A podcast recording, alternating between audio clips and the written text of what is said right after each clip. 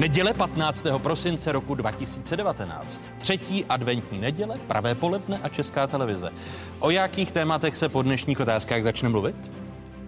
Prosím znovu o klid. Požádám sněmovnu o klid. Já bych chtěl požádat o větší klid ve sněmovně.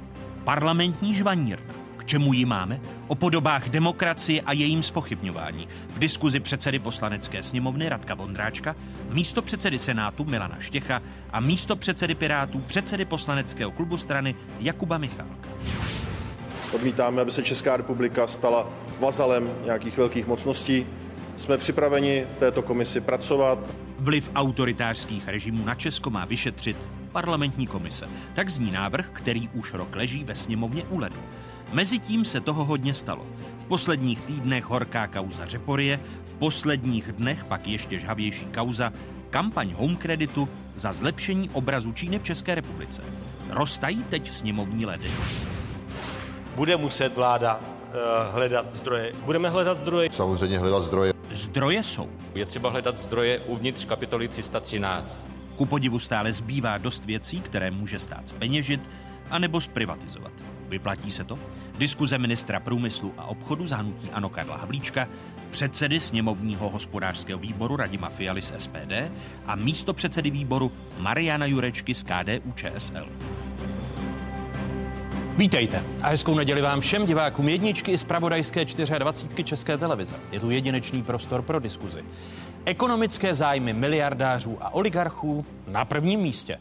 Ač nejbohatší Čech Petr Kellner opakovaně odmítá, že by jeho finanční skupina PPF zasahovala do české politiky a médií, důkazů o opaku přibývá. Další přibyl tento týden. Kellnerova úvěrová společnost Home Credit si podle zjištění online deníku aktuálně CZ najala PR agenturu C&B Reputation Management. A to nejen, aby vylepšovala obraz čínského komunistického režimu u české veřejnosti, ale aby očerňovala kritiky Pekingu v České republice. Piráti se v této souvislosti pokusí oživit návrh poslankyně TOP 09 Heleny Langšádlové na zřízení sněmovní vyšetřovací komise ohledně vlivu autoritářských mocností na Českou republiku. Zde jsou víc než rok stará slova předkladatelky návrhu. Dovoluji si navrhnout pevné zařazení bodu, který je jako sněmovní dokument 1778 a je to návrh na zřízení vyšetřovací komise Poslanecké sněmovny Parlamentu České republiky pro vyhodnocení vlivu autoritářských režimů na vnitřní záležitosti českého politického systému. Zřízení této komise eh, podpořili zástupci sedmi stran z devíti v této poslanecké sněmovně, tak eh, měl jeden můj kolega Vlastík Válek na to takovou, takovou parafrázi. E, podceňování hrozeb a zla se vždy vymstilo. Podceňují-li to zlo a hrozby poslanci, tak se to vymstí celému státu. Připomeňme, že návrh Heleny Langšádlové leží v poslanecké sněmovně bez povšimnutí od loňského listopadu. Předseda poslaneckého klubu Pirátů Jakub Michálek už kontaktoval předsedu poslanců hnutí Ano Jaroslava Faltínka, aby podpořil zařazení bodu o zřízení sněmovní vyšetřovací komise ohledně vlivu Číny a Ruska na program jednání sněmovny. Nejen o tom bude řeč v následujících minutách. Prvními hosty dnešních otázek jsou předseda poslanecké sněmovny Radek Vondráček z hnutí Ano. Vítejte, pane předsedo, počase. Hezký dobrý den. Dobrý den. Mé pozvání přijal i místo předseda Senátu Milan Štěch z ČSSD. Hezké poledne i vám, pane místo předsedo. Hezký adventní den. A vítám už zmiňovaného místo předsedu Pirátů, předsedu poslaneckého klubu hnutí nebo strany Jakuba Michalka. Ještě jednou i vám přeji hezký dobrý den. Dobrý den. Začnu tou jednoduchou otázkou vás. Máte příslip Jaroslava Faltínka, že bude ten bod zařazen na plénum poslanecké sněmovny a že by hnutí ano mohlo souhlasit se zřízením sněmovní vyšetřovací komise? Ten příslip nemám. Bude to věc, o které budeme diskutovat. Eh, pan předseda Faltínek mě informoval, že rozumí tomu našemu požadavku, čili je to návrh, pod kterým je podepsáno 40 poslanců napříč politickými stranami. Za nás třeba Jan Lipavský, a za ANO je tam paní poslankyně Šlechtová, takže já si myslím, že podpora tady proto by se měla najít. Je to věc, která je velmi aktuální i v souvislosti s tím, že se zjistilo, že vlastně ta rudá chobotnice z toho čínského home kreditu má, si platí nějakou mediální agenturu, která prostřednictvím eh, médií, zvlášť některých eh, třeba toho serveru Info.cz, Není to nadnesené mluvit o, na o, kritiky. rudé, o rudé chobotnici, pane místo předsedo? Já myslím, že ne, protože pokud zjistíte, že si to v podstatě platí nejbohatší člověk v tomto státě, který má majetek 300 miliard korun a takovýmto způsobem dehonestuje eh, politické oponenty nebo lidi, kteří mají jiný názor a vměšuje se do politické soutěže takovými pokoutnými metodami za čínské peníze, tak eh, je to podle mě problém. Je to útok na demokracii a rozhodně bychom to neměli přehlížet, protože pokud se to zvrhne v to, že si takhle zahraniční společnosti z totalitních států budou platit v České republice kampaně, ostatně víme, že ve volební kampani je to zakázané, tak eh, si myslím, že to může být velká hrozba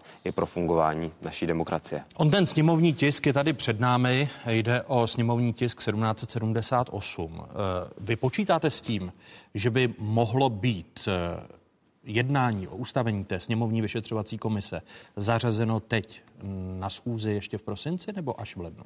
Já myslím, že my to budeme velmi detailně diskutovat na grémiu, kde jsou předsedové všech poslaneckých klubů. Myslím si, že tam bude poměrně široká podpora. Myslím si, že naopak třeba od komunistické strany tam ten postoj bude zdrženlivější. Eh, Ještě teď v prosinci nebo? Nicméně pokud vláda chce schválit svoje priority, to znamená eh, například daňový balíček, zvýšení daní, tak si myslím, že tu iniciativu musí brát vážně, protože ten čas, který máme na jednání, je poměrně omezený a tohle je důležitá věc.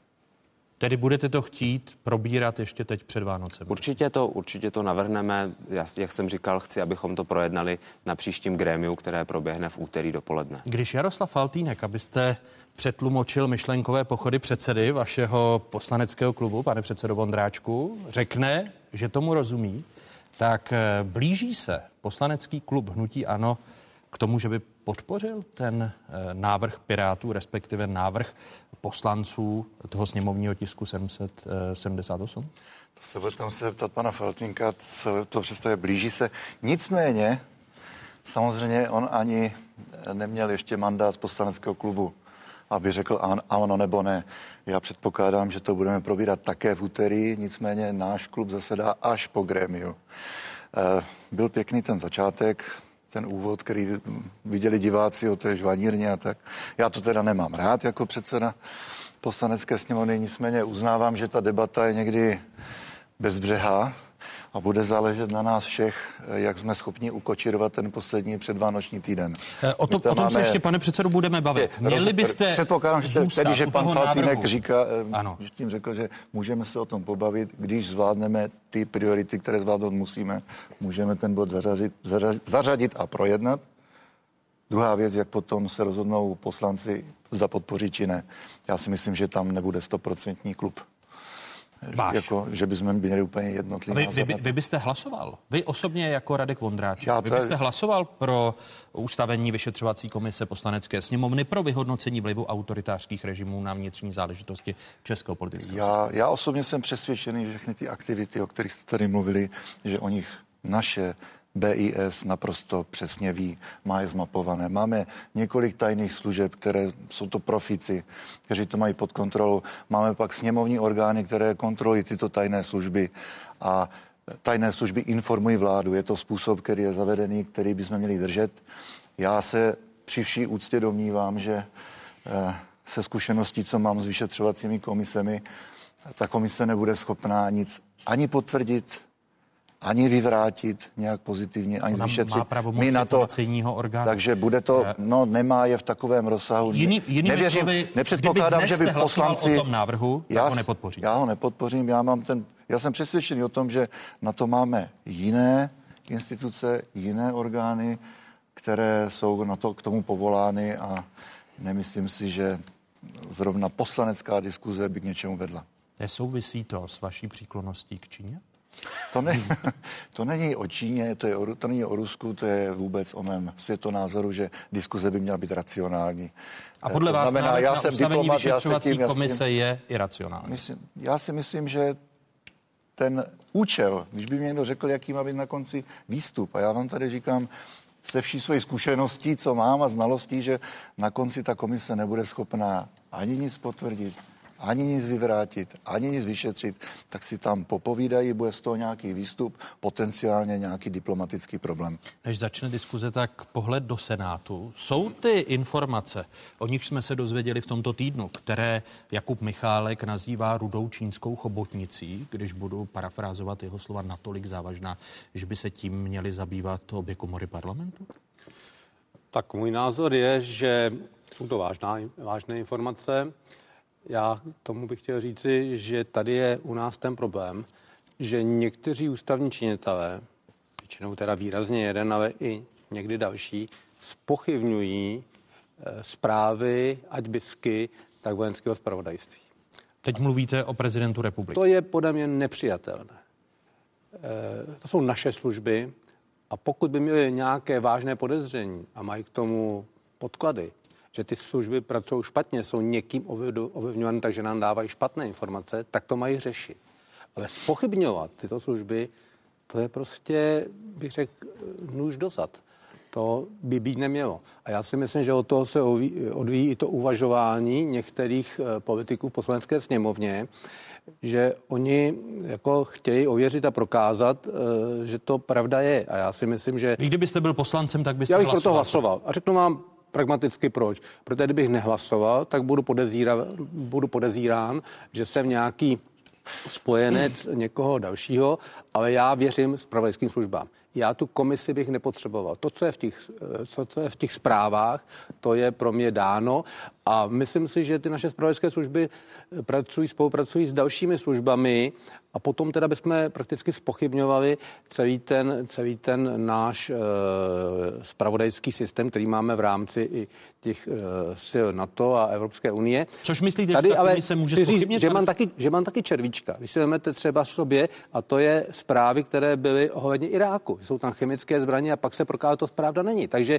ono jako prověřovat se někdy musí, ale v těchto věcech se domnívám, že ty vlivy těch některých mocností jsou, jsou samozřejmě velmi výrazné. Na druhou stranu si řekněme, že Česká republika není popek světa a jestli jsou ty spravodajské služby orientovány, tak jsou orientovány na silnější ekonomiky a na důležitější státy, to se týká toho celosvětového vlivu, tady v Evropě by to bylo zejména Německo, Francie, Británie. Takže já bych proto hlasoval. Myslím si, že sněmovna nic nového neobjeví, že objeví to, co nám řekli Biska a vojenský zpravodajství, ale měl by tady v tom nastat nějaký větší koncenzus a ústavní čtyřka by se měla eh, jasně eh, vysvětlit a vyříkat, že musí se zpravodajským službám důvěřovat a když ta se nedůvěřuje, tak hledat řešení eh, vevnitř těch služeb, jestli tam je nějaké pochybení, já si myslím, že není. Jakube Michálku, slyšel jste argumentaci, že tady máme BIS, eh, Českou kontrarozvědku, před námi jsou i výroční zprávy za jednotlivé roky a že to bohatě stačí, že BIS nám jasně popisuje, jaký je vliv autoritářských režimů na tu zemský politický systém. Tak BIS je spravodajská služba, ale nepíše naše zákony. Tady se ukazuje, že prostě je dlouhodobě nějaké systémové selhání, ať už ze strany prostě zasahování e, Ruska nebo Číny do českého politického systému. A to je věc zákonodárců a vlády, aby to řešilo. A tady žádná iniciativa není. My dlouho čekáme na zákon, který má předložit Ministerstvo průmyslu a obchodu, na kterém pracuje, které by zavedlo screening investic u strategických projektů, tak aby se nám nestalo, že Číňani budou kontrolovat prostě e, komunistická strana Číny bude v podstatě, když to řeknu ošklivě, kontrolovat e, například vypouštění našich vodních nádrží nebo jaderné elektrárny. To si myslím, že jsou zásadní věci a důležité je, že pod tím návrhem je podepsaná i paní Šlechtová, která byla ministriní obrany za ANO a měla pod sebou to vojenské spravodajství a i ona na základě těch zjištění, které jí nosilo vojenské spravodajství, dospěla k závěru, že je potřeba tuto komisi zřídit. Ona byla ale a... jediná z poslaneckého ano. klubu Hnutí Ano, když jsem se díval do sjetiny o hlasování, která podpořila zařazení tohoto bodu. Eh, poslanecký klub Hnutí Ano, jak jste tady slyšel odpověď Radka Vondráčka, určitě jednotný nebude a bude asi malý zázrak, pokud vůbec ten bod bude zařazen teď v prosinci na jednání schůze. Myslím si, že je to škoda. Měli jsme tady vyšetřovací komisi k OKD, které se za, účastnili i zástupci hnutí ANO. Pan Hájek, já si myslím, že e, není úplně korektní, jestli tady někdo chce spochybňovat práci vyšetřovacích komisí. Já si myslím, že odvedli dobrou práci odevzdali zprávu. Teď se čeká na to, než se ta zpráva vyšetřovací komise k OKD dostane na program jednání. Je tam připraveno 14 trestních oznámení. Konečně se to celé rozkrylo a sepsalo na jednom místě, včetně začátku Eh, vlastně středu i zakončení celé té kauzy s panem Bakalou. Takže úplně stejným způsobem transparentně může veřejnost dostat eh, informaci v podobě této zprávy a vláda na základě této zprávy by měla podniknout konkrétní opatření, ať už jde například o ten screening investic nebo nějaké další kroky, které by zlepšily tu situaci ohledně toho, jakým způsobem mohou Rusko nebo Čína ovlivňovat českou politiku. A týkalo by se to i podnikání nejbohatšího Čecha, eh, Petra Kellnera a skupiny PPF, protože vy jste se rozhodli jako Piráti eh, investovat politický kapitál do prosazování toho pro, programového bodu TOP 09 až právě v tomto týdnu, kdy deník aktuálně CZ zveřejnil ty nejnovější informace, jak si Home Credit platil eh, různé vlivové skupiny od médií počínaje po některé ekonomy a, a i On je, to náš, on je to náš společný návrh, my jsme, proto, my jsme to podepsali, i jsme proto hlasovali, když se o tom jednalo v poslanecké sněmovně a uh, určitě to podpoříme znovu a prostě dlouhodobě to tlačíme. Připomeňme, že Bezpečnostní informační služba, tedy tuzemská kontrarozvědka, považuje šíření vlivu Číny v České republice za jednu, cituji, z největších bezpečnostních hrozeb. Několikrát to zopakovali ředitel BIS Michal Koudelka. Tady jsou jeho slova. Čínské služby kybernetické útoky, pak když mluvíme o nich, využívají jako jeden ze zdrojů informací. A to ať už eh, tak, že útočí na, na, na nějaký stát, na nějakou státní instituci nebo na, na firmu, ze které, ze které tímto způsobem informace získávají. To je pravda, tomu musíme čelit a, a tomu samozřejmě dneska čelí celý demokratický svět. Čínské firmy eh, jsou nějakým způsobem spojené a kontrolované komunistickou stranou Číny. A je fakt, že pak, když je pustíme do naší, do naší jaksi, jaksi zásadně důležité eh, komunikace, páteřní komunikace, páteřní sítě, tak dáváme klíče od této sítě do rukou komunistické strany Číny. Konstatuje ředitel BIS Michal Koudelka. Pane místo předsedo Štěchu, chybí vám nějaké právní normy, zákony, o nichž tady mluvil Jakub Michálek a tím odůvodňuje to, že je to věc zákonodárců, aby byla sněmovní vyšetřovací komise ustavena? Já si myslím, že ty normy, nebo nejsem si jistý, že ty normy to zachrání. Já si myslím, že jde o ty eh, rozhodnutí v exekutivě. Prostě exekutiva má brát potaz tyto informace, má je vyhodnotit a má se podle toho řídit. Eh, nezbavujme se, nebo nezbavujme ty lidi odpovědnosti a nechtějme to dát, protože víte, že za těmi zákony se většinou sková větší množství lidí a já si myslím, že tady jde o osobní odpovědnost. Eh, o těch investicích, které jsou strategické, často rozhoduje teda vláda, infrastrukturální a o těch investicích, které se týkají soukromých, soukromých firm. Samozřejmě tam potom ten legislativa nějaká to může omezit. Tam asi... Ale část právníků říká, že mají-li ty investice být transparentní, že to souvisí i obecně se zákonem o veřejných zakázkách, který tam by nebe, do... nebere v potaz no. právě rizikovost těch investic. To a se ale to, ta rizikovost, víte, se do toho zákona bude těžko jaksi... Prosaditelná. Ne prosaditelná. Zařadit tam, aby byla aby byla plně eh, jaksi využitelná. Eh, ono, ty zákony těžko můžete psát eh, nějak kogentně, eh, rigidně. Prostě nemůžete v tom zákonu ošetřit každou situaci, která nastane. Takže já si myslím, že tady možná by některé pravomoci měla mít ta operativní pravomoci, ta exekutiva a ne za to plnou zodpovědnost. Pane předsedo Vondráčku. No, třeba ve Spojených státech amerických mají zákon, že vláda může za určitých situací zamezit prodej strategické investice. Posuzovali tak třeba prodej Westinghouse do Kanady. Závěr byl, Kanada je přátelská země, můžeme sdílí stejné hodnoty, můžeme prodat. Uh, tahle debata už tady nějakým způsobem možná nastartována je. Konec konců já jsem to řešil s americkým velvyslancem a je to jedna z možností, kudy se dát, protože opravdu jedna věc je ekonomika a pak jsou opravdu strategické zájmy. České republiky. Jinými slovy připouštíte, a... že exekutiva není dostatečně chráněna nebo nemá no ne, já výraznější nástroj? Já jenom jsem vždycky strašně opatrný, protože to ingerence vlastně veřejného práva do soukromého. Nevídana. Vlastně, že by vláda, a vláda, myslím si, že nikdo jiný, jedině vláda by mohla prohlásit teda nějaký soukromoprávní kontrakt za neplatný. To je opravdu hodně silná káva, takže by to chtělo připravit, ale je to, je to věc, která existuje ve světě. A to, že Česká republika má nějaké zájmy strategické a naopak jiná země mají jiné, tak to je prostě fakt. A takový byl vždycky. Tady v tomhle konkrétním případě je zase dobré opravdu držet basu s Evropskou unii.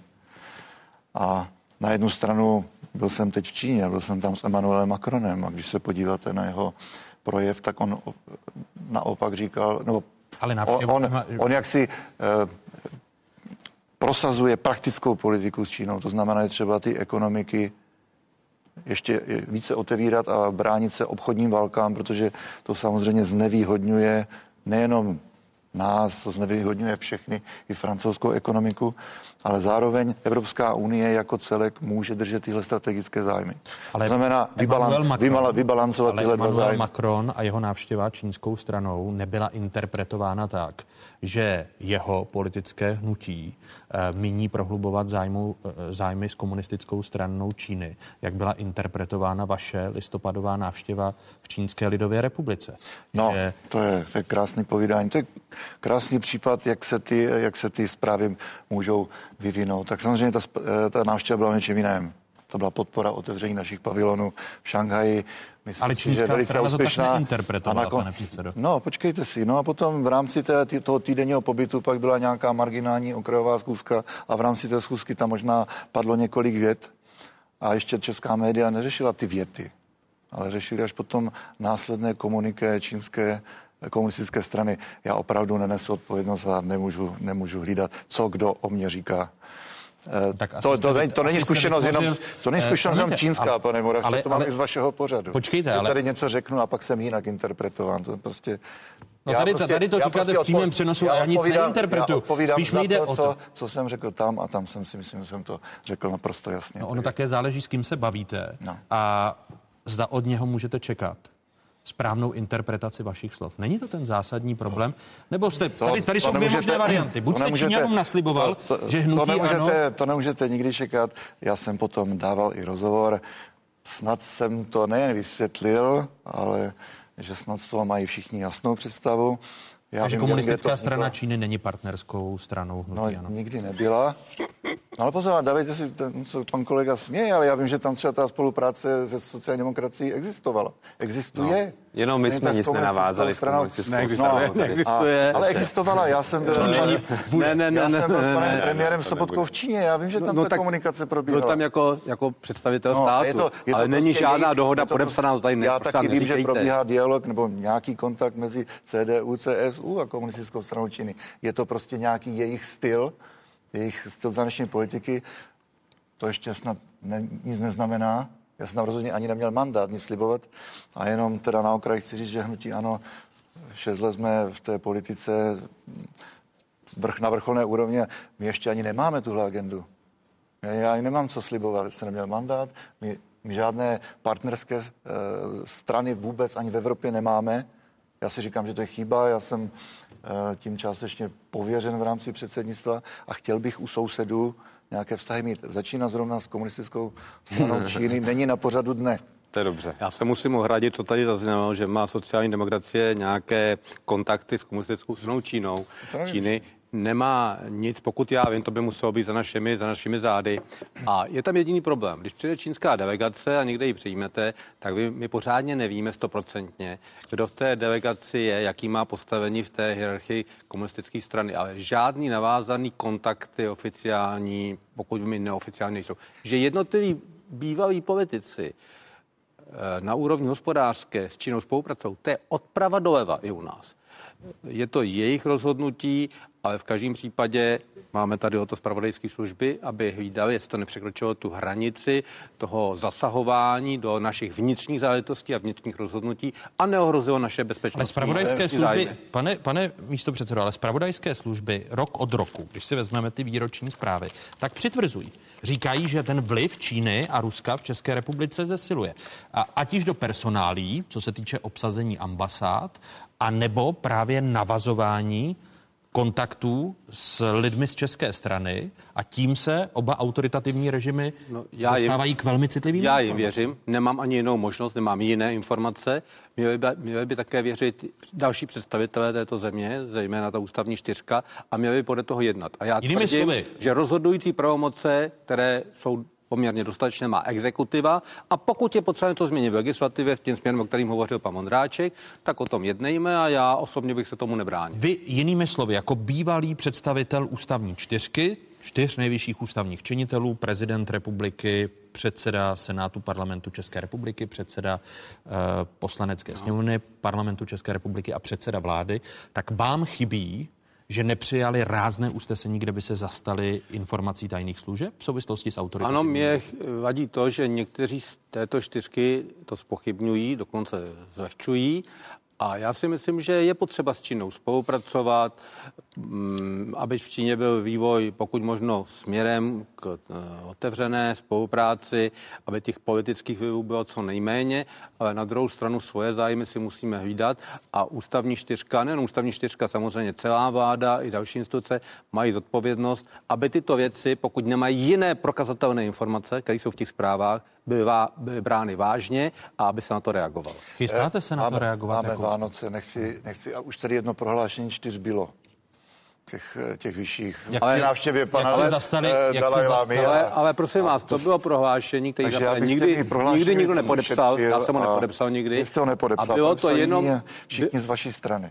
Pane předsedo, já, jste říkal, Ka... že máte advent, to chcete vyhrocovat, ale, zpět, máme advent. ale v tom prohlášení se otevřete, tam bylo pouze to, co je v té dohodě, která byla uzavřena v době, kdy byla uznána politika jedné Číny, to tady byly pravicové vlády a všechny vlády to respektovaly a tam nebylo nic víc. Bylo to ve špatnou dobu. Bylo to v době, kdy tady byl Dajoláma, kdy tady vznikly politické přestřelky. Ale neposouvejte to dál, než to je. To je jenom politické prohlášení a nezasahovalo to nijak do věcí, které by se týkaly nějaké záležitosti ekonomické, že by se něco na základě podpořilo konkrétně, nebo že by to snad mělo snižovat tyto zprávy. Jako Michálek? Já jsem chtěl ještě doplnit, abych to schrnul, že si myslím, že to největší riziko teď je asi v oblasti těch telekomunikací, vlivu Číny, která se v této oblasti velmi rychle rozvíjí a představa, že budou mít klíčky od, naš, od našich v podstatě mobilních telefonů a od toho, jakým způsobem využívá kdokoliv v této zemi internet, tak je poměrně nebezpečná. Jak tomu ale a... chcete zabránit, když ku příkladu eh, i Spolková republika Německo eh, nezabránila tomu, aby vstupoval v rámci budování 5G sítí nějaký čínský subjekt nebo čínské subjekty právě do této infrastruktury? Já myslím, že to není možné paušalizovat, ale chceme, aby tedy existoval odborný orgán, který posoudí takhle důležitý investice. To máme. A chceme, UKIP, ne, to, to posuzování, opravdu posuzování strategických investic uh, z, z i s ohledem třeba na ty informace tajných služeb a podobně. A druhá věc je, abychom věděli, kdo je konečným majitelem všech těch organizací, které tady působí. Protože když sem přišly investice z Číny, která tady skupovala různé eh, třeba i části mediálních organizací a podobně, tak se nevědělo, kdo je konečným vlastníkem. A Česká republika má povinnost z Evropské směrnice implementovat systém konečných vlastníků a v podstatě veřejný registr toho, kdo co vlastní. To dopadá mimochodem i na ten Agrofert a jestli ho eh, vlastní pan Babiš tak eh, tohle to Česká republika nesplnila a přitom to má splnit do, eh, do ledna a dosud ten zákon není v poslanecké sněmovně předložen a ministerstvo spravedlnosti s paní Benešovou ho nepřipravilo. Takže my tam máme spoždění oproti tomu, co už máme transponovat podle evropských zákonů a hrozí nám tam pokuta. A to je ta transparence, kterou my prosazujeme i ve vztahu k těm zahraničním investicím. Se ještě ke střetu zájmu a právě k té evropské směrnici dostaneme. Proto... Já smekám, že kolega dostal i do tohle tématu Agrofert. To už jsem opravdu. No to, souvisí, to, to, to souvisí s... To je vliv těch oligarchů, pane předsedo. No, podnikáním oligarchů. Babiš, Křetínský, no, děkuji, dě, děkuji to jsou všichni oligarchové, kteří mají obrovský vliv. Ví, eh, co je Agrofert a co spadá pod Agrofert a všichni ví, že je ve svěřenském fondu a vy jako právník víte, že to je majetek, majetek který se osamostatněn v souladu s občanským zákonníkem. A jediný, jediný zisk z něho má Andrej Babiš. Panové, abychom neutekli, promiňte, aby, abychom neutekli tak, ještě výborně. z těch eh, zájmů cizích mocností na území České republiky. Až se bude scházet ústavní čtyřka, v lednu předpokládám, máte, máte schůzku a bude se probírat návštěva předsedy Senátu parlamentu České republiky eh, Jaroslava Kubery nad Chajvan. Chystaná návštěva. Eh, pro jaké usnesení budete vy jako předseda poslanecké sněmovny hlasovat? Ještě jsme ani jednou ne, neměli žádné usnesení, vždycky jenom nějaký záznam z toho jednání. Prohlášení nebo deklaraci? A, a tu schůzku už jsme měli. Tu už si to tam eh, popovídal pan předseda Kubera s panem prezidentem. Všichni, jak jsme seděli za stolu, tak jsme řekli, že jestliže je zde nějaká jednotná vládní politika jedné Číny, tak je zvykem napřed navštívit hlavní město a potom provincii. Nejezdí se do Bavorska, pak do Berlína, napřed do Berlína a pak do Bavorska. To je všechno, co jsme panu Kuberovi řekli. Samozřejmě, že on On, si může zvolit, on si může zvolit cestu, jak chce. Tak to máme nastaveno v České republice. Takže pak už se, nebudete... Pak se ale nedivme, že jsme trošku hůře čitelní pro naše partnery, když ten jezdí tam, ten říká to, ten říká to. Já bych říkal, držme se vlády, držme se vládní politiky zahraniční, akorát to teďka možná trošku složitěji vysvětlovat. Počítáte s tím, že eh, ještě v lednu partnerům. se budete, budete věnovat eh, chystané lednové cestě? Já myslím, že už ne. Já budu, ne. já budu hlavně rád, když se budeme věnovat té koordinaci cest, protože to je vždycky úvodní část, na kterou já nejvíc spolehám a většinou je taková bytá, že vždycky potom přijde nějaké jiné téma, ale já jsem schopný koordinovat se s premiérem, už nevím, jaké jsou cesty eh, předsedy Kubery a pan prezident také si svůj program volí podle svého. Jako vedení Senátu počítáte s tím, že Jaroslav Kubera eh, v první čtvrtině eh, příštího no. roku uskuteční cestu na... Já jsem na posledním organizačním výboru nebyl, protože jsem byl na zahraniční cestě, ale my jsme tento výjezd ještě neprojednávali, takže není schválen organizačním výborem. Eh, já v této věci jsem už eh, řekl, že jsem respektoval eh, právě vládu a ministerstvo zahraničních věcí, který vykonává zahraniční agendu.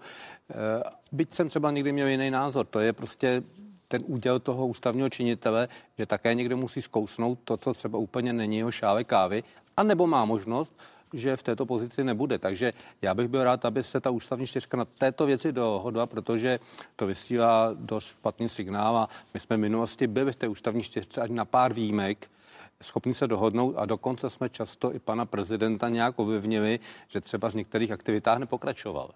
Jinými slovy, pokud ústavní čtyřka, když většina to znamená předseda sněmovny, premiér i prezident říkají, že by Jaroslav Kubera neměl jezdit na Tchajvan, tak eh, tvrdíte, že by se Jaroslav Kubera měl... Měl by to, já to řeknu takto, měl by to vážně zvážit, jestli je to dobrý krok.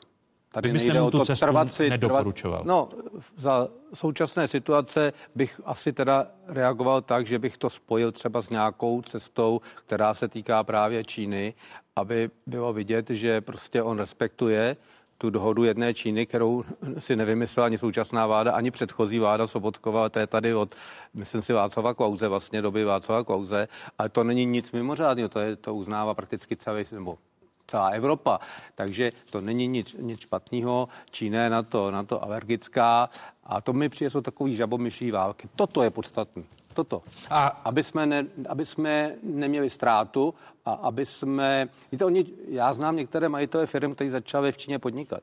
Oni tam mají špatné zkušenosti, tam se opravdu kopírovalo a další a další věci, takže Čína všechny ty pravidla, které v tom demokratickém podnikatelském světě se dost respektují nebo plně respektují, tak ona je úplně nerespektuje. Pane, pane místo předsedo, ale, informací. ale to souvisí s tím počátkem, že tady jedna uh, významná investiční skupina, která je navíc registrována v Nizozemském království, mluvím o skupině PPF, mm. tak je to ta, která se snaží o nejlepší vazbu na Čínu. Když se podíváme na to, čím začal tento pořad, eh, připomínám, že PR agentura placená filmou Home Credit, nejbohatšího Čecha Petra Kellnera, podle dokumentů, které online deník aktuálně CZ získal, měla za úkol ovlivňovat českou společnost právě ve prospěch Číny. Vytvořila síť odborníků, novinářů a také politiků, ze kterých někteří ani nemuseli vědět, čeho jsou součástí. Založila tlumočníkovi prezidentu Vítu Vojtovi institut věnující se Číně nazvaný Synoskop. Z výkazu, který PR agentura zasílala firmě Home Credit, můžeme vyčíst, že si účtovala například úzkou spolupráci s moderátorem Českého rozhlasu a televize XTV Lubošem Ksaverem Veselým, který si pozval Víta Vojtu. Dále si naúčtovala oslovení Lukáše Kovandy kvůli převzetí jeho článku na web Synoskop. Eh, plnění webu Synoskop.cz editaci textů, přípravu kampaně na Facebook nebo konzultace témat s Vítem Vojtou. Totež se týkalo už zmiňovaného serveru Info.cz. A nechtě slyšena i druhá strana za podporou projektu Synoskop prostřednictvím PR agentury si Home Credit stojí. To tvrdí v reakci na zjištění aktuálně CZ ředitel komunikace skupiny Home Credit Milan Tománek. A cituji. Kategoricky odmítáme tvrzení, že by Home Credit stál za vytvářením tajných sítí na ovlivňování veřejného mínění, tvrdí Tománek. Dokument, který aktuálně CZ získalo, označil za kradený. Opět cituji, proto Home Credit bude nadále postupovat a komunikovat v celé věci pouze právní cestou. Redakce otázek společnost Home Credit požádala o odpověď na otázku, eh, co mělo být výstupem spolupráce společnosti Home Credit s agenturou eh, C&B Reputation Management a k jakému účelu si společnost Home Credit výše zmíněnou agenturu najímá. Společnost Home Credit nám však neodpověděla. Považujete za standardní, aby tady, protože se ty věci opakují stále. Váš předseda zahraničního a braně bezpečnostního výboru Pavel Fischer hmm. už kritizoval způsob, jakým byl vybrán velvyslanec do Číny. E, někdejší viceguvernér České národní banky Vladimír Tomšík a vliv skupiny PPF na jeho nominaci. Totež se týkalo e, návštěvy prezidenta republiky a návratu e, v tryskáči skupiny PPF. Teď tady máme další důkaz. Přijde vám to normální? Ne, nepřijde mi to normální, souhlasím s váma. Jedinou věc, já stoprocentně nevím, jestli ty informace, které jsou médie, médií, informace jsou ve všem objektivní, pravdivý. Pokud ano, tak je to práce pro tyto složky a návazně pro ty, který je řídí nebo který nad nimi mají ten eh, hlavní eh, dohled a to je, to je vláda. Samozřejmě. Jinými slovy, pokud ty informace jsou pravdivé, tak skupina PPF, respektive Home Credit a její aktivity vnímáte jako rizikové pro Českou republiku? Ano, jeví se mi to tak. Já, bych, já jsem chtěl jenom ještě doplnit, že to není jenom ta aktuální politická reprezentace Miloš Zeman, ale že pan Kellner platí zámeček pro pana Václava Klauze, ve kterém on potom eh, provozuje svůj institut Václava Klauze. Takže tento způsob, že v podstatě si zaplatí ty čelní politiky, tady prostě funguje už mnoho let. Ale to může souviset to, přece i s divokou všichni, privatizací, všichni to protože, protože to byly aktivity privatizace České pojišťovny, do které pak nastoupil někdejší ministr financí logicky, Ivan Kočár. Logicky ano. prostě eh, Václav Klaus, Klaus tady udělal systém, kdy se sice rychle zprivatizovalo, majetek přišel do soukromých rukou, nicméně se u toho zhaslo, takže eh, v podstatě to fungovalo stylem, že některé ty velké podniky se zkrátka eh, velmi rychle dostaly do rukou těch, kteří byli, řekněme, aktivnější. Když tady, když tady Milan Štěch jako místo předseda Senátu nazývá podnikání společnosti Home Credit a vliv na veřejnou sféru jako rizikový z bezpečnostního hlediska, jak je možné a jaké kroky je možné k tomu podniko, podniknout, aby to riziko bylo nižší? No já vám řeknu, já jsem třeba šokován z toho, že v budově pražského magistrátu, krásná secesní budova z roku kolem 1910, celý přízemí nebo polovinu přízemí je pronajatá PP v bance. PPF banka má prostě polovinu přízemí pražského magistrátu té historické budovy. Tam, kde by měly být, řekněme, nějaký eh, reprezentativní sídlo vedení Prahy, tak tam sídlí tam sídlí PPF banka. Ale vy už Praha ovládáte, vy už Praha má ovládáte 7%. magistrát, tak eh, no, předpokládám, to že... se pletete, Václav, je to jenom jeden rok. Tak jeden rok. Ale no. rok jsem rok I za ten, dám, i za ten rok se, se dá, I za ten rok se dá hodně stihnout. Já jsem byl proto, aby se ta banka vykopla, ale to je samozřejmě odpovědnost vedení pražského magistrátu. Ať se vykopne a ať se zruší ten podíl, ať, to ne, ať tam není to provázání mezi hlavním městem Prahou a PPF bankou. Já si myslím, že to je skandální. Já bych to chtěl varovat před svatou válku, aby jsme nebyli hysterický, aby náhodou tady bylo pro, potřeba prověřit, za jaké je to peníze. Skutečně, jestli je to za peníze, které jsou, bych řekl, v tom místě obvyklé, tak zase, aby jsme, víte, pak ty věci skutečně vážné vůbec nehodnotíme tím paušálním obvinu, obvinu, jaksi obvinováním. Takže já bych nechtěl, aby jsme plošně všechno jak si odsuzovali, ale je to potřeba prověřovat. A plně souhlasím, že ty léta divoké privatizace, kdy já jsem tehdy ještě pracoval v odborech a my jsme na řadu věcí upozorňovali, ale ti, kteří to dneska říkají, tak tehdy na nás koukali velmi škaredě a dávali nám, dávali nám rudou barvu. Takže ano, ale řada věcí se udělala. Ale tady, tady to přece souvisí, když se podíváte i na zájmy PPF, která podporuje vznik nového politického hnutí Václava Klause mladšího, což jsou prokázané, prokázaná fakta. No. Eh, zároveň Zdeněk Koudelka, autor eh, prezidentské amnestie, ve které došlo i... To nejsem si jistý, jestli to je Koudelka, ono jich bylo asi víc. Ale ko- konstatoval to Vratislav uh, Minář. Minář eh, který je šéfem kanceláře prezidenta hmm. republiky. Takže eh, když se podíváme na ty na tu propojenost, o níž mluví. Ale Určitě, jako já jsem to v tom mojím vyjádření před několika minutami řekl. A já jenom varu, aby e, se prověřovaly věci konkrétně, aby jsme e, všechno neházeli do jednoho pyte, pak se ukáže, že to pravda nebyla a pak najednou jako to vypadá, že všechno toto e, nemusí být, nemusí být pravdivý. Takže já varuji před tím, aby to nebyla hysterie, ale aby to bylo skutečně profesionální prověření a obezřetnost je na místě a já souhlasím, že pokud je pravda, co ty novinářské nebo ty mediální informace obnáší, tak je to velmi vážná informace. A nenahrávají tyto informace, které jsme se dozvěděli v tomto týdnu, aby ku příkladu oni byly prověřeny tou sněmovní vyšetřovací komisí, pane předsedo? Zopakuju tu větu, kterou jsem říkal. Já jsem naprosto pevně přesvědčený, že BIS má všechny tyto aktivity pečlivě zmapované a zmonitorované. A žádná vyšetřovací komise poslanecké sněmovny na tom nic neprohloubí ani nezlepší. To je můj názor, který jsem tady prostě už eh, řekl a eh, Mě by já třeba, zajímalo... já nemám rád, aby zase nebyl za, za agenta ještě PPF. Já s nimi nemám nic společného, ale já ne, nemám rád, nemám rád, říct, nemám rád zase tady to nálepkování, tak označíme tu firmu, že by nemohl, jestli je to banka a platí nájem. Já nevím, jak jsou tam provázaní nebo ne ale přece když tam platí řádný tržní Já. nájem, proč by tam nemohli být? Reakce Jakuba no, Ale nerozumím to, ne, nevidím do Prahy. To je jenom je takový jakože jeden postřeh. Já jsem, si, já jsem si dal tu práci, teda, že jsem se eh, podíval před účastí na tomto, pořad, na tomto pořadu.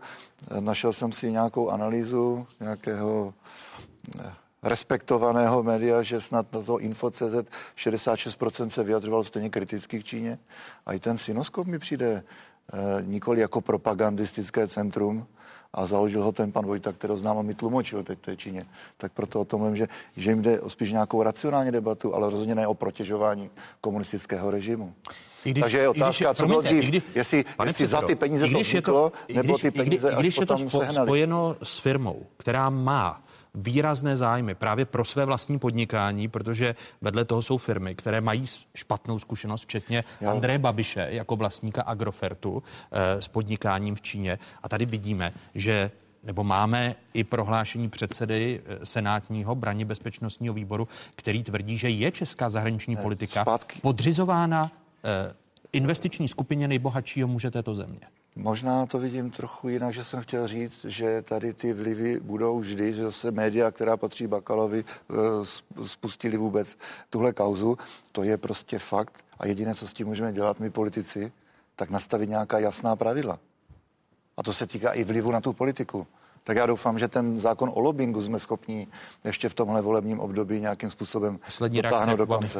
No, zákon o lobbingu by v téhle kauze zrovna vůbec nepomohl. Ale mě by zajímalo, jestli Říkám, by pravidla, ve všem pravidla. Předseda, no tak pojďme no. schválit ten screening zahraniční investic nebo podobné věci, které můžou neříkal, aspoň některé drobné věci posunout. Ale tady je přece podstatný, že BIS nosí informace vládě a vláda by na základě těchto těch zjištění měla něco dělat. Takže pokud BIS varuje, že tady Čína a Rusko jsou problém, tak by mě zajímalo, co vláda v téhle věci podniká. Jo, to je její ústavní odpovědnost. Poslední reakce. Já, ne, já nechci tady dělat rozhodčího mezi dvěma subjekty v poslanecké sněmovně, ale já umím pochopit a souhlasím, že jsem přesvědčený, že drtivá většina nebo všechno je v těch zprávách. Ale umím pochopit i Piráty a další, že když vidí, jak se někteří výstavní, ústavní činitelé chovají, že spochybňují, tak oni se obávají, jestli náhodou ta exekutiva, protože prezident je součástí exekutivy, v tom koná tak, jak by konat mělo. A to je ten problém. A proto říkám, kdyby se tím zprávám důvěřovalo, nevznášely se nějaké jaksi výhrady nebo to nezlehčovalo, tak by tady ke ty diskuse být nemusely a prostě na základě těchto zpráv by se jednalo. Pokud by tam byly s odpuštěním nesmysly, tak by vláda příště z toho vyvodila odpovědnost vůči tím tím složkám. Ale takhle to je drobet na vodě a e, potom teda tyto komise, které většinou až takový výsledek nepřinesou, stojí hodně času, odvádí od té hlavní pozornosti, což je no, legislativa. To je zajímavé, to jsem chtěl říct, jestli by to náhodou, ta diskuze potom ještě nepřililo olej do ohně, my tady se bavíme o hybridních hrozbách, o hybridních válkách, vždyť diskuze, které by byly spojeny s tou komisí, že jste paradoxně e, tomu ještě přispěl tím, že to navrhujete. Když e, bude to jako, mysleli jsme to dobře, dopadne to jako vždycky. Prostě objeví se spousta polopravd, zase se bude v tom veřejném prostoru eh, vést nějaká diskuze, která, nezlobte se, i důvod, že pan eh, prezident Zeman jde vždycky proti proudu. Ještě to pro mě není argument, aby jsme zřídili vyšetřovací komisi. A promiňte, a jít, jít proti proudu a, a dávat, vlád, proti vládní politice, da, to je dávat, jasné. dávat argumenty ruským státním médiím, že se u nás vyráběl novičok, novičok to, považujete, to, je, to považujete za normální jít proti proudu? To je prostě Miloš Zeman, který prostě si řekl, že se u nás vyrobilo pár molekul. Ne, to on neřekl. On no, řekl, on to že řekl, nás vyráběl novičok. No. A musel, a se ptám, a musel, to, vědět, a musel vědět, že v pozici prezident, nebo prezident by to měl vyhodnotit. A měl by vědět, že to, že to, není žádný proti že, to, že to není v pořádku. To je naprosto mainstream. No. To si nemyslím, že mainstream máme tady dnes, doufám. No. A nějaký dezinformační weby? Nevím, co je mainstream a co je v této zemi, jak se to rozmazává. Souboj o vládní návrhy na zvýšení daní nebo rodičovského příspěvku zdaleka nekončí. Návrhy zákonů vrácené Senátem má příštím týdnu probírat opět poslanecká sněmovna. Připomeňme, že přehlasování senátního veta bude potřebovat vládní koalice 101. hlas. Senát před dvěma týdny se postavil proti vládní snaze o vyšší zdanění loterií nebo o zvýšení poplatku za vklad do katastru nemovitostí. Doporučil také úpravy ve zdanění technických rezerv pojišťoven ten zákon je diskriminační, že zde mohou, vznik, mohou vzniknout situace, kdy rodiče se stejně starými dětmi uh, to navýšení uh, příspěvku dostanou a jiní ho nedostanou. Takže tam byla schoda na tom, že uh, tuto diskriminaci je třeba nějakým způsobem zrušit. Dodatečné větší zdanění tedy spotřebních daní, vkladu katastru a tak dál a tak dál. Podle mého názoru eh, by se tímto směrem nemělo postupovat. Eh, měla by se redefinovat celá daňová politika. To byly dva hlasy ze Senátu, které se týkají dvou návrhů, o nichž by v příštím týdnu měla znovu rozhodovat poslanecká sněmovna, tedy dvou vládních návrhů daňového balíčku a právě zvýšení rodičovské. Dodám, že navýšení rodičovského příspěvku tak oproti vládní novele navrhuje Senát sněmovně, aby rodičovský příspěvek mohli získat i rodiče s dětmi do čtyř let věku, kteří příspěvek v dosavadní výši už vyčerpali. Schválíte v příštím týdnu oba zákony vrácené se Senátem nebo počítáte s tím, že opozice přijde s právem beta zařazení? To by museli být dva poslanecké kluby, které by to vetovaly. V případě, že by k tomu došlo, tak uh, jsou jiné nástroje procesní, jak to zařadit.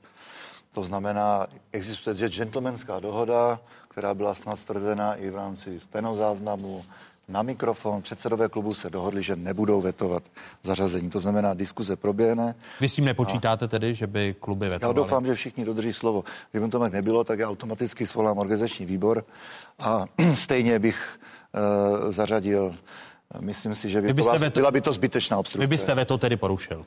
Ne, veto, já bych to udělal jiným způsobem. My bychom to nemohli zařadit teda na základě toho, že já jako předseda předkládám a nikdo nevetuje, což je nejjednodušší procesní způsob. Když by to někdo vetoval, tak zkrátka musím svolat organizační výbor a musí o tom rozhodnout organizační výbor a stejně zařadíme.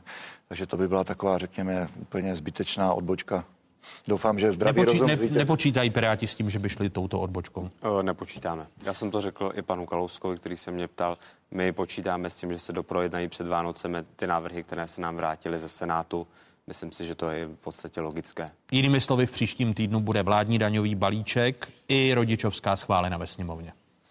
No uvidíme, tam to byste to pozměňovací návrhy vrátili, takže tam, tam probíhá boj o dvojí hlasování, ale oba dva ty zákony jsou součástí nějaké architektury toho rozpočtu a výsledkem nějaké diskuze ve sněmovně. Jinými tak já doufám, se trváte na vládní verzi. Já doufám, že se najde dostatečná většina, Respektive. to je 101+. Plus na té sněmovní verzi. Piráti eh, podpoří některý z těch senátních návrhů, ať už rodičovské nebo daňového balíčku? Tak my určitě nepodpoříme daňový balíček, to jsme říkali, nepodporujeme zvyšování daní, to si musí odhlasovat ano s komunisty a ČSSD. Eh, pokud jde o tu rodičovskou, rodičovský příspěvek, tak tam my jsme navrhovali, aby se konečně zastavilo to, že se v podstatě každá vláda populisticky něco zvyšuje a přihazuje okamžiku, kdy se jí to zrovna hodí, aby si zvýšila popularitu. My chceme, aby se to nahradilo systémem, kde se rodičovský příspěvek valorizuje. To znamená, každý rok se to prostě navýší tak, jak roste ekonomická úroveň. To bohužel v poslanecké sněmovně neprošlo, takže jsme z toho dost rozmrzelí. Prošlo aspoň to, co jsme navrhovali, aby se zvýšila ta měsíční hranice pro výplatu na 10 000 korun, což myslím, že dokonce prošlo i navzdory ano. Takže to považuji za celkem pozitivní a my se kloníme spíš k tomu, co zaznělo v těch senátních návrzích, aby se rozšířil ten okruh osob, který mají právo na výplatu toho rodičovského příspěvku a to z toho jednoduchého důvodu, že ti, kteří v podstatě byli pracovitější, ti, kteří chtěli jít uh, dřív do práce, a vyčerpali v podstatě stejný objem peněz, tak pro ně by to mělo, na ně by to mělo dopadnout tím negativním efektem a my chceme, aby tedy z toho dobrodění zvyšování těžili všichni bez ohledu na to, kdy se rozhodli jít do práce. Eh, vy jako sociální demokraté v Senátu jste podpořili tu senátní verzi rodičovské, eh, o které mluví eh, Jakub Michálek. Počítáte s tím, že v poslanecké sněmovně sociální demokraté podpoří spíš sněmovní verzi nebo tu senátní? No, ty čtyři roky pro všechny, který mají děti do čtyř let, i když už vyčerpali za ty tři roky tu částku. Eh, to byl původní návrh paní ministrině, ale samozřejmě v rámci koalice to, to neprosadila. Ano. To neprosadila. Eh, my jsme se k tomu vrátili, podpořili jsme to. My si myslíme, že ty rodiče, pokud se to neschválí, se budou eh, obracet na ústavní soud. Samozřejmě je to docela taková věc, která bude sporná. Dál bych chtěl drobet odmítnout, že to je populistické vlády. Ten problém tady je, že to 12 let nebylo zvyšovaný tak to není žádný populismus, to je tvrdá realita, že to bylo potřeba zvýšit a tím, tím eh, rodičům to na ty děti dát. A co se týká toho, toho daň, balíčku daňového, eh, my jsme původně hlasovali jako sociální demokraté pro schválení, to neprošlo, tak jsme podpořili některé věci, ale zejména teda, aby se nezvyšoval ten zápis do katastru nemovitostí. Tady já si myslím, u toho prvního bych úplně nevyčoval, že by ve sněmovně mohl být přijmut ten senátní návrh. návrh, protože si myslím, že to je logický, že to je lidský a že také je tam odstraněna ta nejistota těch ústavních stížností, aspoň předpokládám. U toho druhého si myslím vzhledem na příjmy eh, státního rozpočtu, který je schválený, že asi eh, vládní koalice se trvá u toho původního původního návrhu. Jinými slovy, eh, máte informace, že by sociální demokraté mohli podpořit tu Eh, senátní verzi eh, zákona o rodičovské? Nemám ty informace, my jsme to nikde teď neprojednávali. Já osobně bych to vedení sociální demokracie doporučoval. Dovedu si představit, že tom nejúžším jednání nějaké koaliční rady to může být předmětem polemik, ale i celé koalici bych doporučoval, aby se to vzalo v potaz. Eh, I když to bude stát dvě a víc než 2,5 miliardy. 2,7 navíc. Já si myslím, že to není nepřekonatelná částka a že je to pro mladé lidi a že oni to, ti, kteří teda teď to nemají dostat, cítí jako nespravedlnost a to by bylo potřeba vzít v úvahu. I teda tu možnost, že nakonec ústavní soud může nějak rozhodnout a stejně by se to muselo řešit. Vy počítáte s tím, že by mohla projít ta varianta Senátu, protože 2,6 nebo 2,7 desetin miliardy korun eh, v rozpočtu je možné najít? Asi už nespočítám ty hodiny těch debat koaličních a potom eh, v rámci poslanecké sněmovny a opravdu si myslím, že my jsme tu debatu uzavřeli a tohle je výsledek, kompromis, je to prostě umění možného, k čemu jsme dospěli.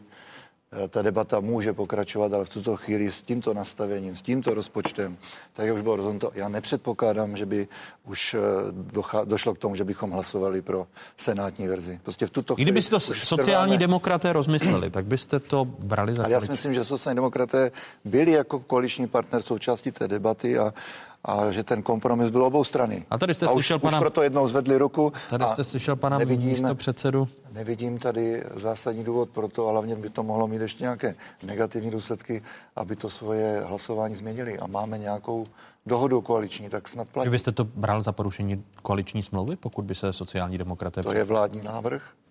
To je věc, na které jsme se dohodli a zřejmě by takové hlasování nebylo v souladu s koaliční smlouvou. Že by to bylo porušení koaliční smlouvy, pokud by šli pro senátní návrh, který kopíruje původní návrh eh, místo předsedkyně ČSSD Protože jsme Jany se na dohodli, šli jsme někam do, na střed, debata nekončí, ale tak, jak je to nyní ve sněmovně vráceno, předpokládám sněmovní verzi.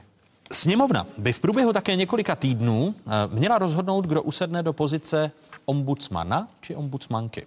Současné veřejné ochránkyni práv Aně Šabatové skončí šestileté funkční období v polovině února příštího roku. Prezident republiky Miloš Zeman, který má společně se Senátem právo nominovat dva kandidáty na veřejného ochránce práv, navrhl koncem týdne poslankyni exministrní spravedlnosti zahnutí Ano Helenu Válkovou. Senát na ombudsmana nominoval dva kandidáty. Víta Alexandra eh, Šroma, který je vládním zmocněncem u Evropského soudu pro lidská práva, druhým z adeptů se až ve druhém kole tajné volby stal advokát Jan Matis. Veřejný ochránce práv by měl být vytrvalým, disciplinovaným, odborně zdatným, ale i přesvědčivým mediátorem a vyjednávačem ve vztahu mezi občanem a státní mocí, zejména, zejména mocí správní. Pokud bych jako veřejný ochránce práv přispěl k posunu naší veřejné zprávy do 21. století, věděl bych, že jsem pro běžného člověka který si jinak na nic nestěžuje, něco udělal. Je to vrcholná pozice, kde můžete ovlivňovat politiku, uplatňování lidských práv, stavit priority, snažit se o to, aby byly dodržovány na tomto poli i naše mezinárodní závazky. A výhoda je, že jste naprosto nezávislí na jakémkoliv vlivu. Slova tří kandidátů na pozici veřejného ochránce práv, o nichž bude rozhodovat poslanecká sněmovna. Pane předsedo Vondráčku, začnu u vás ohledem na lhůty. Nepředpokládám, že byste rozhodovali o tom budoucím veřejném ochránci práv ještě teď v prosinci. Určitě to nejde, protože ty lhuty běží. Paní dosavadní ombudsmance Šabatové končí polovině února. Uh, 19. února teprve její funkční období.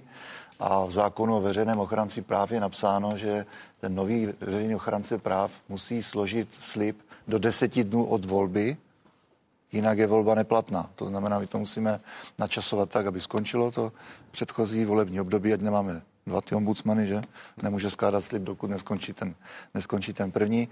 Co mám informaci, tak v tuto chvilku už je to eh, v gesci volební komise, ti by se měli sejít na 17 a naše schůze pokračuje pak v lednu 21. Vychází to na variabilní týden v únoru, že bychom provedli volbu, tak aby to všechno v ideálním případě sedlo, že skončí paní Šabatové funkční období a já přijmu slib nové ombudsmanky nebo ombudsmana. Tedy v prvním, asi v tom prvním únorovém týdnu, kdy budete mít eh, doběh té lednové schůze tak. poslanecké sněmovny. Eh, když říkáte ombudsmanky, je jasné, že, že stranická povinnost hnutí ano bude velit velet, že vy osobně dáte hlas Heleně Válkové? To není hezké, protože já dám Heleně Válkové svůj hlas, protože se jí vážím, protože si myslím, že se na tu funkci hodí a je to takové logické pokračování, možná završení kariéry.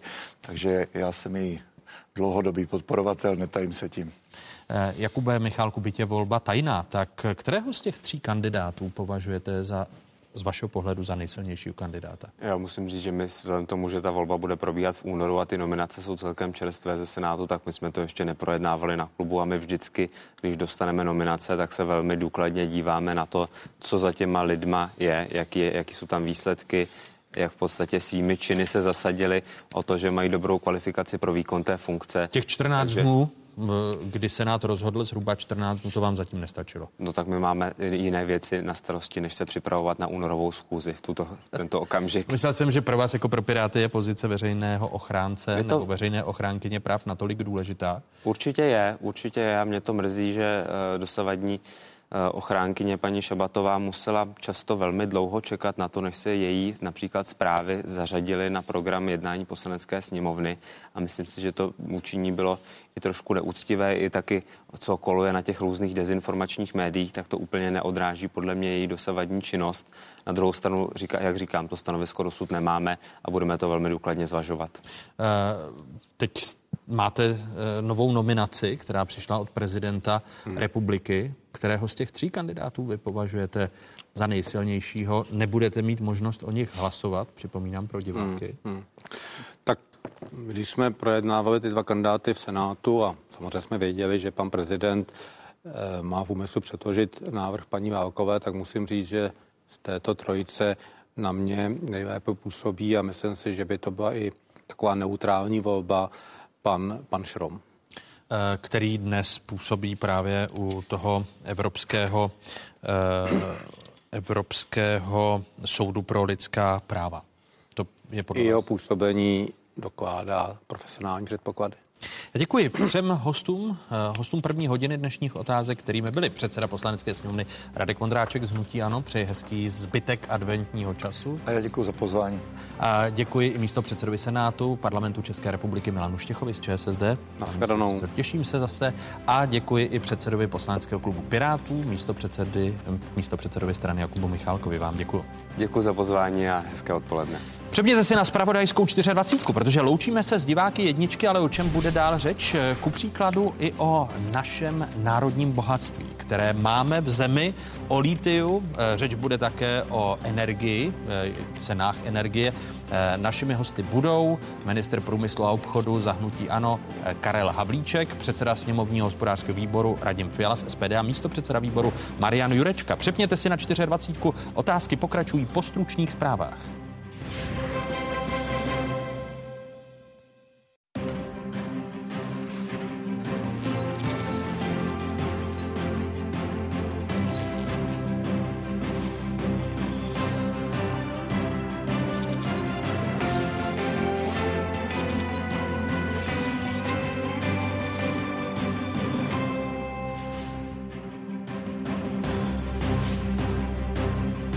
Zůstáváte na správné adrese, tady je spravodajská jednička v zemi, tady je 24. O jakých tématech se po dnešních otázkách začne mluvit? Naše tradiční demokratické strany prodali veškeré naše eh, nerostní bohatství za hubičky. Kde hledat rezervy a komu je pak prodat? Diskuze ministra průmyslu a obchodu zahnutí Ano Karla Havlíčka, předsedy sněmovního hospodářského výboru Radima Fialy z SPD a místo předsedy výboru Mariana Jurečky z KDU ČSL. Předpokládal bych, že e, dojde k vyřešení otázky litia. Zda toto ložisko je, e, je rozumné vytěžit. Poklady země české. Zásoby lítia v Krušných horách jsou páté největší na světě. Kolik by vynesla jeho těžba a kdo by inkasoval zisky?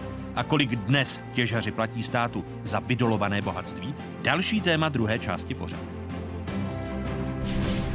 Ještě jednou vám všem divákům z Pravodajské 24. hezké nedělní odpoledne. Stále jste v jedinečném prostoru pro diskuzi. Vládní výprodej nekončí, zdroje na štědrost docházejí a proto chce vláda podle kritiků prodat část strategických zásob kovů. Opozice, jak bylo řečeno, záměr kritizuje za vládu, se ale v pondělí postavila Bezpečnostní rada státu. Ta podle ministra průmyslu a obchodu Karla Havlíčka potvrdila, že koncept držení kovů ve státních rezervách je, citujme, překonaný. Vláda souhlasila s prodejem zásob za 600 milionů korun v příštím roce. Kovy ze státních hmotných rezerv se neprodávají přitom poprvé. Pokud jsem se díval do uh, historie, tak mezi rokem 2008 a 2010 zpráva uh, prodávala kovy zhruba za 650 milionů korun. Tyto finanční prostředky zůstaly uh, v rozpočtu zprávy státních hmotných rezerv a za tyto finanční prostředky byla posílena ropná bezpečnost. Říká předseda zprávy státních hmotných rezerv Pavel Švagr. Co je ale jiné? Na rozdíl od odprodeje kovů v krizových letech utržené peníze nezůstanou v rozpočtu zprávy státních hmotných rezerv. To je novinka. Podle Pavla Švagra budou odvedeny do státního rozpočtu. Podle Švagra tak nebude možné je použít na stát státem eh, plánované hmotné rezervy, respektive jejich nákup. Dalšími hosty otázek jsou avizovaní. Vicepremiér, minister průmyslu a obchodu zahnutí ano, Karel Havlíček. Vítejte, pane ministře. Dobrý den. Nedělní odpoledne. Vítáme předsedu sněmovního hospodářského výboru, předsedu poslaneckého klubu a místo předsedu hnutí SPD Radima Fialu. Hezké Dobrý den. odpoledne. A mé pozvání přijali místo předseda hospodářského výboru Mariano Jurečka z KDU ČSL. Vítejte. Hezký dobrý, dobrý odpoledne. Pane ministře, není to hazard? Není to hazard, protože tam eh, zazněla eh, i z úst pana Švagra celá řada nepřesností, ale možná, že on to nevěděl, protože to probíhalo na Bezpečnostní radě státu v utajeném režimu. První, co je třeba si říct, eh, vůbec podstata státních hmotných rezerv. To není tak, jak se někdo domnívá, že bychom tam měli nějaké specifické drahé věci, nad jejich cenou bychom spekulovali. Ty jsou proto, aby jsme řešili případné krizové situace, například různé povodně, požáry, přírodní katastrofy, nějaké prostě epidemie, technické havárie v průmyslu, případně omezení nějakých strategických dodávek, nějaké třeba ropy, případně třeba nějaký vojenský, vojenský konflikt. A teď z toho všeho, co jsem říkal, vyplývá, že v těch posledních letech došlo k celé řadě změn ve smyslu potenciální hrozeb. Nejsou to jenom ty toliko zmiňované kybernetické hrozby, ale je to i otázka toho, že prostě bojujeme dneska se suchem. Je to otázka úplně nových hrozeb v oblasti energetiky. Přecházíme na chytrou energetiku a mohli bychom jít dál a dál. A teď my jenom férově říkáme, že je třeba ze státními hmotnými rezervami, kde mimo jiné je hodnota produktů za 30 miliard korun a jejich zpráva nás stojí 2,5 miliardy korun, něco činit ve smyslu přestrukturalizace. A ano, my jsme, protože pod průmyslem, jinak průmysl je koordinačním článkem, my třeba nezasahujeme do potravin. Jsou eh, kovy a ropa. Do ropy nezasahujeme, to je v pořádku. A co se týká těch kovů, my říkáme, že už je to komodita, která je tam ještě z dob studené války, ve smyslu toho, kdy vůbec se tam začaly dodávat ty kovy, a že v současné době, podotýkám, nejedná se o vzácné kovy, jak někdo říká, jedná se o základní kovy, jsou za svým zenitem. Za prvé proto, že průmysl, který by s nimi mohl nějakým způsobem pracovat, dneska spíše pracuje se slitinami a nikoliv jakožto ze vstupní surovinou těchto základních kovů. Za B proto, že tyto kovy, mimo jiné, o kterých se diskutoval už před mnoha lety, že se vyprodají, to nepřišlo od nás. A dospělo se k tomu, že to nedává už smysl. A byla zde nabídka, nebo nabídka spíš varianta, že by tam dali třeba litium nebo tantal nebo něco podobného. Tak v tuto chvíli je zajímavé je vyprodávat s ohledem na cenu, protože ono se to zastavilo v minulosti právě proto, že cena těch kovů na světových trzích letěla dolů. A my dneska říkáme, vyprodejme tedy to, co můžeme v dobré dneska situaci tržní vyprodat a v tuto chvíli vlastně diskutujeme o tom, čím bychom to nahradili. Jak, jak, jaký ten výprodej bude? Protože jestli se nemýlím, tak vy počítáte s tím, že první výprodej bude v roce 2020, utržíte cca nějakých 600 milionů, další výprodej by měl být v roce 2021, to znamená, že to je teď několika letý výprodej a počítáte s tím, že byste měli získat 1,6 miliardy korun. Je to tak? Uh, ještě o něco více. V té první fázi 600 milionů a v té druhé 1,6 eh, miliardy, což by mohlo dělat 2,2 miliardy za předpokladu, a to tady musím říct, že by se vyprodalo skutečně všechno. My jsme se dneska na Bezpečnostní radě státu domluvili na tom, že vyprodáme za těch prvních 600 milionů korun. To musí do státního rozpočtu, podle zákona o rozpočtových pravidel. A teď diskutujeme o tom, a máme do toho do 33., aby všechny rezorty, čili rezort zemědělství, rezort průmyslu, eh, ministerstvo vnitra, obrany a tak dále, dali dohromady, co by potřebovali ve smyslu nových moderních komodit a produktů. Určitě tam budeme dávat nové léky jiné. Budeme tam dávat tu mobilizační techniku jinou, prostě už zase prostě potřebnější, která je. Určitě musíme přestrukturovat zemědělské nebo potravinové zásoby. Ty tam jsou skutečně už za svým zenitem. Už to naznačuje i minister zemědělství. To znamená, jednoznačně se bude dokupovat a budou se prostě vytvářet prostě nová struktura zásob. A celá diskuze je jenom o jediné věci. Dlouho do toho nikdo nechtěl říznout, všichni se kolem toho chodili eh, jako, jako velmi, velmi tiše a v tuhle tu chvíli je třeba to připravit ve smyslu nových hrozeb v 21. století. Eh, vláda se rozhodla do toho říznout. Eh, vy jako hospodářský výbor můžete zavázat jedně vládu usnesením, ale ona hmm. se jim nemusí řídit. Jako hospodářský výbor jste ochotni přistoupit na to, že v prvním roce uvidíme, jak ten výprodej dopadne, části kovů za 600 milionů? Eh, pane redaktore, já, já musím říct, že tak, jak to pan minister říkal, tak se to poslouchá velice dobře, ale uh, musím říct, že uh, spousta těch věcí není pravda, anebo spousta těch věcí je ve skutečnosti úplně jinak. Dovolte, abych řekl, jak to vidím aspoň já za hospodářský výbor. Prostě tady byly porušeny všechny bezpečnostní procesy. Bezpečnostní procesy v tom, že ministerstva mají upravit, nejprve mají mít nějakou koncepci, pak mají upravit krizový plán svých ministerstev a tyto krizové plány potom schvaluje vláda. Až potom eh, vláda eh, řekne sněmovně, co se bude v této koncepci státních hmotných rezerv měnit. Nic takového se nestalo a my jsme se to na hospodářském eh, výboru dověděli v podstatě náhodou, protože každoročně schvalujeme rozpočet státních hmotných rezerv a tam, tam přímo bylo napsáno, že dojde k tomu výprodeji kovů a že se navýší příjmy ne, že se navýší, že dojde k výprodeji kovů. Ty peníze ani nezůstanou ve státních hmotných rezervách, ale budou se převádět do státního rozpočtu, kde se prostě rozpustí uh, na, na některé důležité nebo méně důležité věci, které vláda uzná za vodné. Jinými slovy, máte pocit, že vás vláda oklamala jako hospodářský eh, výbor? Tak uh, já si myslím za prvé, že nedodržela bezpečnostní procesy, které má stanovené zákonem. To znamená, uh, změnu krizových plánů by měla nejprve schválit vláda, potom by to měla schválit bezpečnostní Bezpečnostní rada státu, potom by to měli říct poslanecké sněmovně a potom teprve mohou eh, měnit koncepci státních hmotných rezerv. Nic z toho neudělali, v podstatě jenom napsali, že v roce 2020 bude příjmem státního rozpočtu 600 milionů korun za za kovy. To znamená, jedná se o obyčejný výprodej, aniž by o tom eh, kdokoliv věděl. A eh, za druhé jsem přesvědčen, že prostě to, toto není cesta. Je to, je to i z pohledu KDU ČSL zákonu, jak tady naznačuje předseda hospodářského Já jsem přesvědčen, že je to v rozporu s tím, jak se má postupovat. Je to v rozporu s péči řádného hospodáře a hospodáře, který má starost o bezpečnost našich lidí. Já jsem byl čtyři roky člen Bezpečnostní rady státu.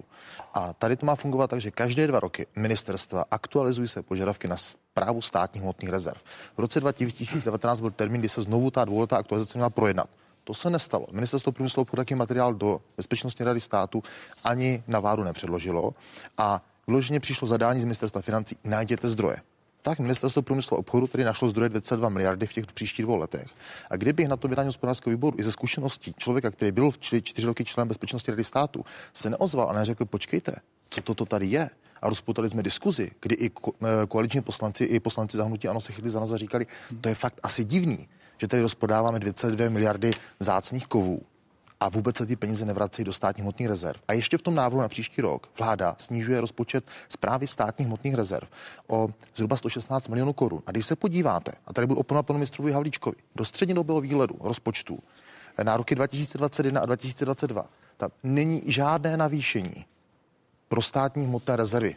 To znamená, ten dokup tam vůbec není plánován. Jinými, jinými slovy, že... podle vás to rozhodnutí vlády ohrožuje funkčnost státních hmotných rezerv. Tím, že ty peníze půjdou do státního rozpočtu, nikoli do rozpočtu. Ano, ano. Každý státní. soudný člověk, který se nás dívá, se musí vědět toho, že nějaké k- klíčové zásoby prostě neprodáváme. I když mám doma sekačku křovinořez, tak prostě tu kosu nejdu a nikdy ji neprodám. A ještě jednu věc tady řeknu, v zásadním rozporu na uzavřeném jednání hospodářského výboru, to tady musím říct. Zástupce ministerstva obrany jasně řekl, že oni s tím rozporem nesouhlasí. že armáda to potřebuje a řekl to i ministr vnitra, eh, pan ministr Hamáček. Prostě některé kovy, třeba olovo, nejsou důležité jenom z hlediska případné krize eh, pro třeba vybavení armády a policie, ale třeba i z hlediska radioaktivní ochrany. To Když tedy pan minister tady říkal, že ministerstva o ty kovy nemají zájem, tak klame Před deseti dny na jednání hospodářského výboru jasně zaznělo stanovisko ministerstva obrany, o kterých jsme požádali. Tady pan e, předseda tam seděl, oba dva jsme to slyšeli. Bylo to naprosto jednoznačně sděleno. A co mě ale hlavně zásadně vadí, v tom roce 2008-2010, když byl plánovaný ten rozprodej, tak tehdy ty vlády v době krize řekli, bude to vázáno na speciální mimo rozpočtový účet. Ty peníze se nerozfofují ve státním rozpočtu a vrátí se do obnovy státních hmotných rezerv. A to tato vláda nedělá. Ministře, jak je možné, že klamete, když tedy ministerstva a jejich zástupci na hospodářském výboru říkají, že ty kovy chtějí? No, eh, kolegové to eh, zbytečně politizují, protože je třeba se na to dívat více z úhlu eh, pohledu trochu odborného a trošku faktického. Tak vezměme to postupně. Co se týká toho jednání hospodářského výboru, ten z mého pohledu byl předčasný, protože nejdřív to šlo právě tak, jak říkají kolegové, na Bezpečnostní radu státu. To bylo tento týden. To znamená, to bylo tento týden. Bezpečnostní rada státu to doporučí vládě a doporučila i prodat za těch 600 milionů. A teprve následně to schválí vláda a teprve poté se uh, bude činit. To znamená, je na to poměrně dlouhá doba. A současně Bezpečnostní rada státu jasně řekla i to, že se bude aktualizovat zpráva hmotných rezerv a dostali jednotlivé rezorty prostřednictvím teda MPO úkol to, aby začaly na té aktualizaci eh, pracovat. Co se týká ministerstva obrany, to je prostě nepochopení toho, jak vůbec ministerstvo obrany by k tomu mělo přistupovat. Ministerstvo obrany neřeší to, jestli tam bude olovo, cín nebo měď. Ministerstvo obrany jasně řeklo jednu věc. Pro nás to dává smysl nikoli ve smyslu toho, co tam máte, jestli tam máte slitiny nebo toto nebo něco jiného. Pro nás je důležité, kdyby nastala nějaká mimořádná situace, připustme prostě nějaká válka klasického typu, nějaký prostě vojenský konflikt, tak, aby jsme byli schopni obdržet potenciálně od českých dodavatelů, znamená českého průmyslu, a teď se budeme bavit o různém střelivou, různých prostě nábojích a tak dále. Podotýkám, že jsme v situaci, kdy se drtivá většina toho kupuje. Podotýkám, že už jsme 20 let v NATO a podotýkám to, že ty firmy, které by z tohohle chtěly vyrábět, tak dneska chtějí vyrábět právě z něčeho jiného. Oni prostě chtějí slitiny. Když už bychom přistoupili na variantu kovu, která za určité situace, určité kovy, a o tom diskutujeme, by tam třeba mohly i zůstat, tak už ne touhletou formou. Uvědomme se, že tam máme 33 tisíc tun, které jsou rozhozeny po celé České republice. Musí se to spravovat úředně, účetně, musí se u toho platit lidi a mohlo by se přistoupit. A jako vláda tedy nebudete daleko... respektovat, pane ministře, když tady slyšíte, řík, vy jste argumentoval, pokud vás budu parafrázovat, že stanovisko hospodářského výboru a jeho kroky jsou předčasné. Ale když hospodářský výbor teď, jak o tom rozhodla Bezpečnostní rada státu v tomto týdnu, eh, když hospodářský výbor sezná, že je to unáhlené, je to jenom vylepšování státního rozpočtu, tak jak se zařídí? Není, hospodářský výbor se na to dívá ekonomicky, ne, to je v pořádku. Ne. Nechceme rozvinovat. My se na to díváme z ohledu na to, jaká je tam sestava toho zboží, těch produktů. Tam je celá řada uh, systémů nebo možností, jakým způsobem tohle to případně řešit. Ale co se týká toho, že to jde přes rozpočet, co je na tom divného, my jsme to museli dát do toho rozpočtu ve smyslu toho, že se rozpočet připravoval dřív, než zasedala bezpečnostní rada státu, tak jsme tam proto nedali všechno záměrně. Dali jsme tam jenom těch 600 milionů na příští rok, což mimo, mimo jiné není žádná zásadní suma. A v tom příštím roce, pokud se to skutečně vyprodá za těch 600 milionů, bude šance už začít přemýšlet nad tím, čím by se to doplnilo. Ten normální krok, na kterým není vůbec nic mimořádného. Tady se straší tím, že se prostě na základě starých kovů, které tam leží, navíc různé kvality, prostě ohrožuje Česká republika. To je úplně nesmysl. No, tak pane, nejdříve reakce Radima ano. Fialy a pak. Pane eh, ministře, my bychom samozřejmě v hospodářském výboru byli ochotni eh, přistoupit na to, že třeba takové množství kovů není potřeba ale chtěli bychom, aby ty peníze, které se za to utrží, šly zpět do státních a hmotných rezerv. Z toho důvodu. Já tady mám spoustu věcí, jako jsou třeba 40 let eh, staré auta, které pomáhají eh, při povodních, cisterny a podobně, při léky. období sucha, léky.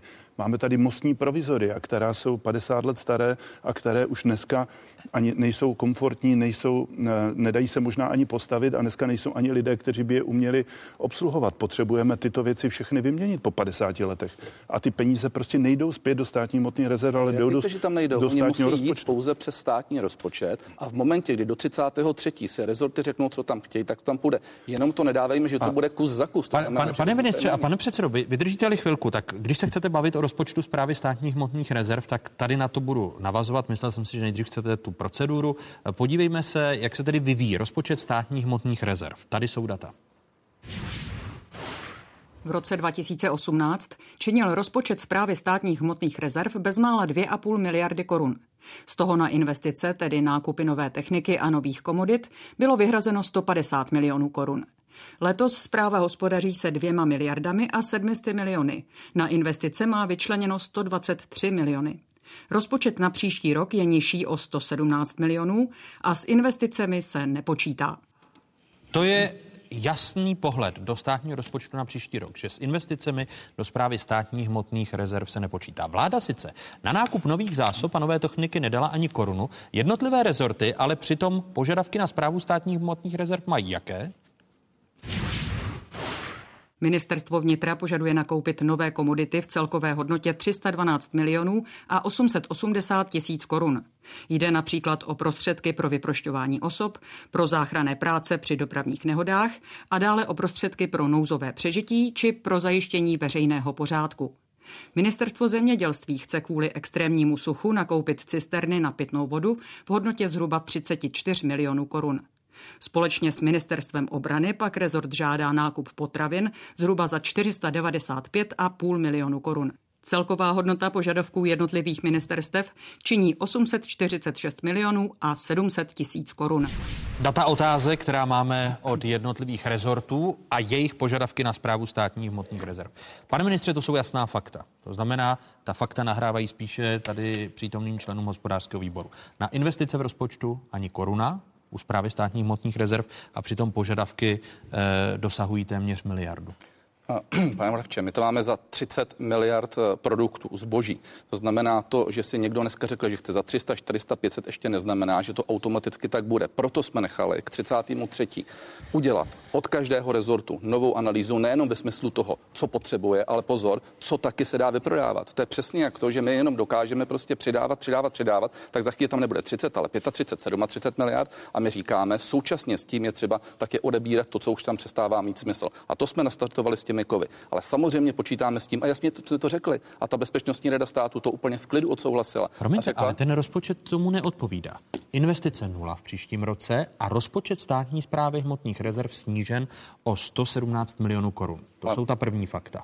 A, a tady jsou požadavky rezortu. Tak e, logicky se vás, vás pak tady ptají zástupci hospodářského výboru, že jde asi o látání rozpočtu děr v rozpočtu na úkor sta- zprávy státních hmotných Nejde, rezerv. my to přece nepotřebujeme bezprostředně nakoupit v příštím roce. Mimo jiné ministerstvo vnitra na bezpečnostní radě státu, když bych to tady možná asi neměl úplně říkat, že to je v utajeném režimu, řeklo, že ze svými zásoby je naprosto spokojeno, že tam nepotřebuje nic v tuto chvíli. Myslíme tím v příštím roce. Ale odsouhlasilo se to, že v příštím roce proběhne kompletní revize a na základě téhle revize teprve budeme dokupovat nebo ne. To znamená, to není otázka toho, že bezprostředně musíme mít za měsíc nebo za tři měsíce prostě něco rychle nakoupeno. Musíme se chovat taky trošku jako řádní hospodáři, jinak tam chvíli budeme mít 50 Ale pro-. Promiňte, ale teď už tomu nerozumím, tak jenom vteřinku. Eh, Tak vy říkáte, že ministerstvo vnitra vám na uzavřeném jednání Bezpečnostní rady státu řeklo, že nic nepotřebuje a podle informací, které mají otázky k dispozici, přišlo s požadavkem nakoupení nových komodit v celkové hodnotě 312 milionů korun. Nám řekli, že ministerstvo vnitra je naprosto spokojená, řekl to ministr vnitra. Tak jak to tady sedím, tak to říkám, seděl tam naproti mě. Bavili jsme se o příštím roce, nebavili jsme se o těch letech dalších. Já také Ale- mluvím o příštím roce jako o To, ale požadavku. pozor, že chodí jednotlivé rezorty s různými požadavky, no to chodí to, když jsme takhle dělali státní rozpočet, tak za chvíli ho budeme mít prostě čtyřnásobný. Je to taky o tom, že někdo musí prostě dělat nějakou zpětnou vazbu a dívat se, co tam tady vlastně je třeba nezbytně koupit, případně co je třeba někde ušetřit. A to je to, k čemu my voláme. Tady se dneska emotivně řeší eh, zpráva hmotných rezerv. Kdo to tady řešil před pár lety? Nikdo to neřešil. To není jsme pravda, u pane potravin. ministře. Pane ministře, pane, pane jsme ministře, v otázkách jsme tady řešili, protože podívejte se na Victoria Grupe a celou tu lumpárnu, že si někdo odvez českou ropu do Německa. Já- Eh, já- Správně. já s dovolením- Takže jsme to tady řešili, to není Jestli- pravda, že by... No, dobře, a to se řešil teda Jestli- mega průšvih, který jestli- tady vzniknul. No a Jestli pokud mohu nevznikne další reagovat. megaprůšvih. Jestli mohu reagovat na několik věcí. Za prvé, Bezpečnostní rada to projednala toto pondělí, až poté, co jsme hospodářský výbor řekli, ne, my ten rozpočet neschválíme, protože nebyl předtím projednán na bezpečnostní radě státu. To je první věc. Kdyby jsme neudělali ten humbuk, který jsme udělali, tak a kdyby to prošlo výborem, tak vůbec bezpečnostní rada by o tom nejednala. Standardně by to bezpečnostní rada projednala někdy v době, kdy rozpočet jde do vlády, někdy před prázdninami by o tom už jednali, nebo nejpozději v září, než to pošlo do sněmovny. Druhá věc je rozumný hospodář, a to si myslím, že každý divák pochopí. A vy jste se tady zaklínal eh, principem eh, správného hospodáře. By udělal to, že si řekl, mám nějaké staré zásoby, které nepotřebuji. Tomu já rozumím. Ale udělám si strategii, jakým způsobem je nahradím, koncepci a řeknu, co místo toho použiju a jakým způsobem to provedeme. Protože já se třeba ptám, jakým způsobem to budete prodávat. Naposledy se ty kovy rozprodávali, tak to nevzala velká londýnská komoditní burza, šlo to přes nějakou olomouckou burzu, kde si to mezi sebou rozprodali kamarádi napojili na tu burzu a do dnešních dnů tam leží trestně oznámení- ze, ze strany stá, zprávy státní hmotné rezervy. Nevím, jestli- o tom víte, pane ministře, ale tak se realizoval hmm. poslední rozprodej eh, cených kovů ze státních hmotných rezerv. Jakým způsobem je budete prodávat? Jaká je strategie? Tak jenom, aby odpověděl pan ministr ale, na já to dopovím, že pan ministr také mluvil dlouho. Mně tady prostě chybí to, že by se tady opravdu vláda zabývala nějakou smysluplnou strategií a řekla, kolik z toho, co utržíme, dáme do potravin, kolik dáme do obrany, kolik dáme pro potřeby ministerstva zdravotnictví. To tady neleží, ale stoprocentně víme, že v příštích třech letech státní hmotné rezervy nebudou investovat do své obnovy a 2,2 miliardy zmizí ve státním rozpočtu. Jenom mimochodem, když tady zaznělo, že my jsme neinvestovali za naší vlády, pardon, tak za naší vlády během čtyř let v průměru šlo do investic ve právě státních hmotných rezerv 149 milionů korun ročně. Za dvě, dva roky této vlády je to částka 115 milionů korun ročně. Tady je rozdíl více než 34 milionů korun.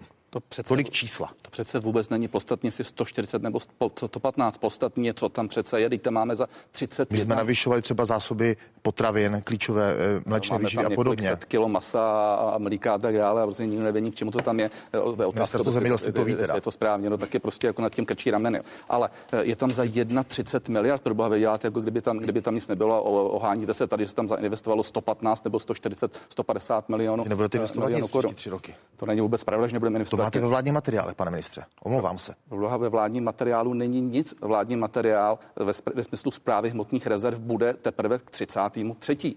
Vy se díváte na to, co jsme rozhodli ve smyslu rychlého prodeje. A proč rychlého? No, protože po mnoha letech nám vystoupala ta cena těch kovů tak, že pokud se teď neprodají, bude problém.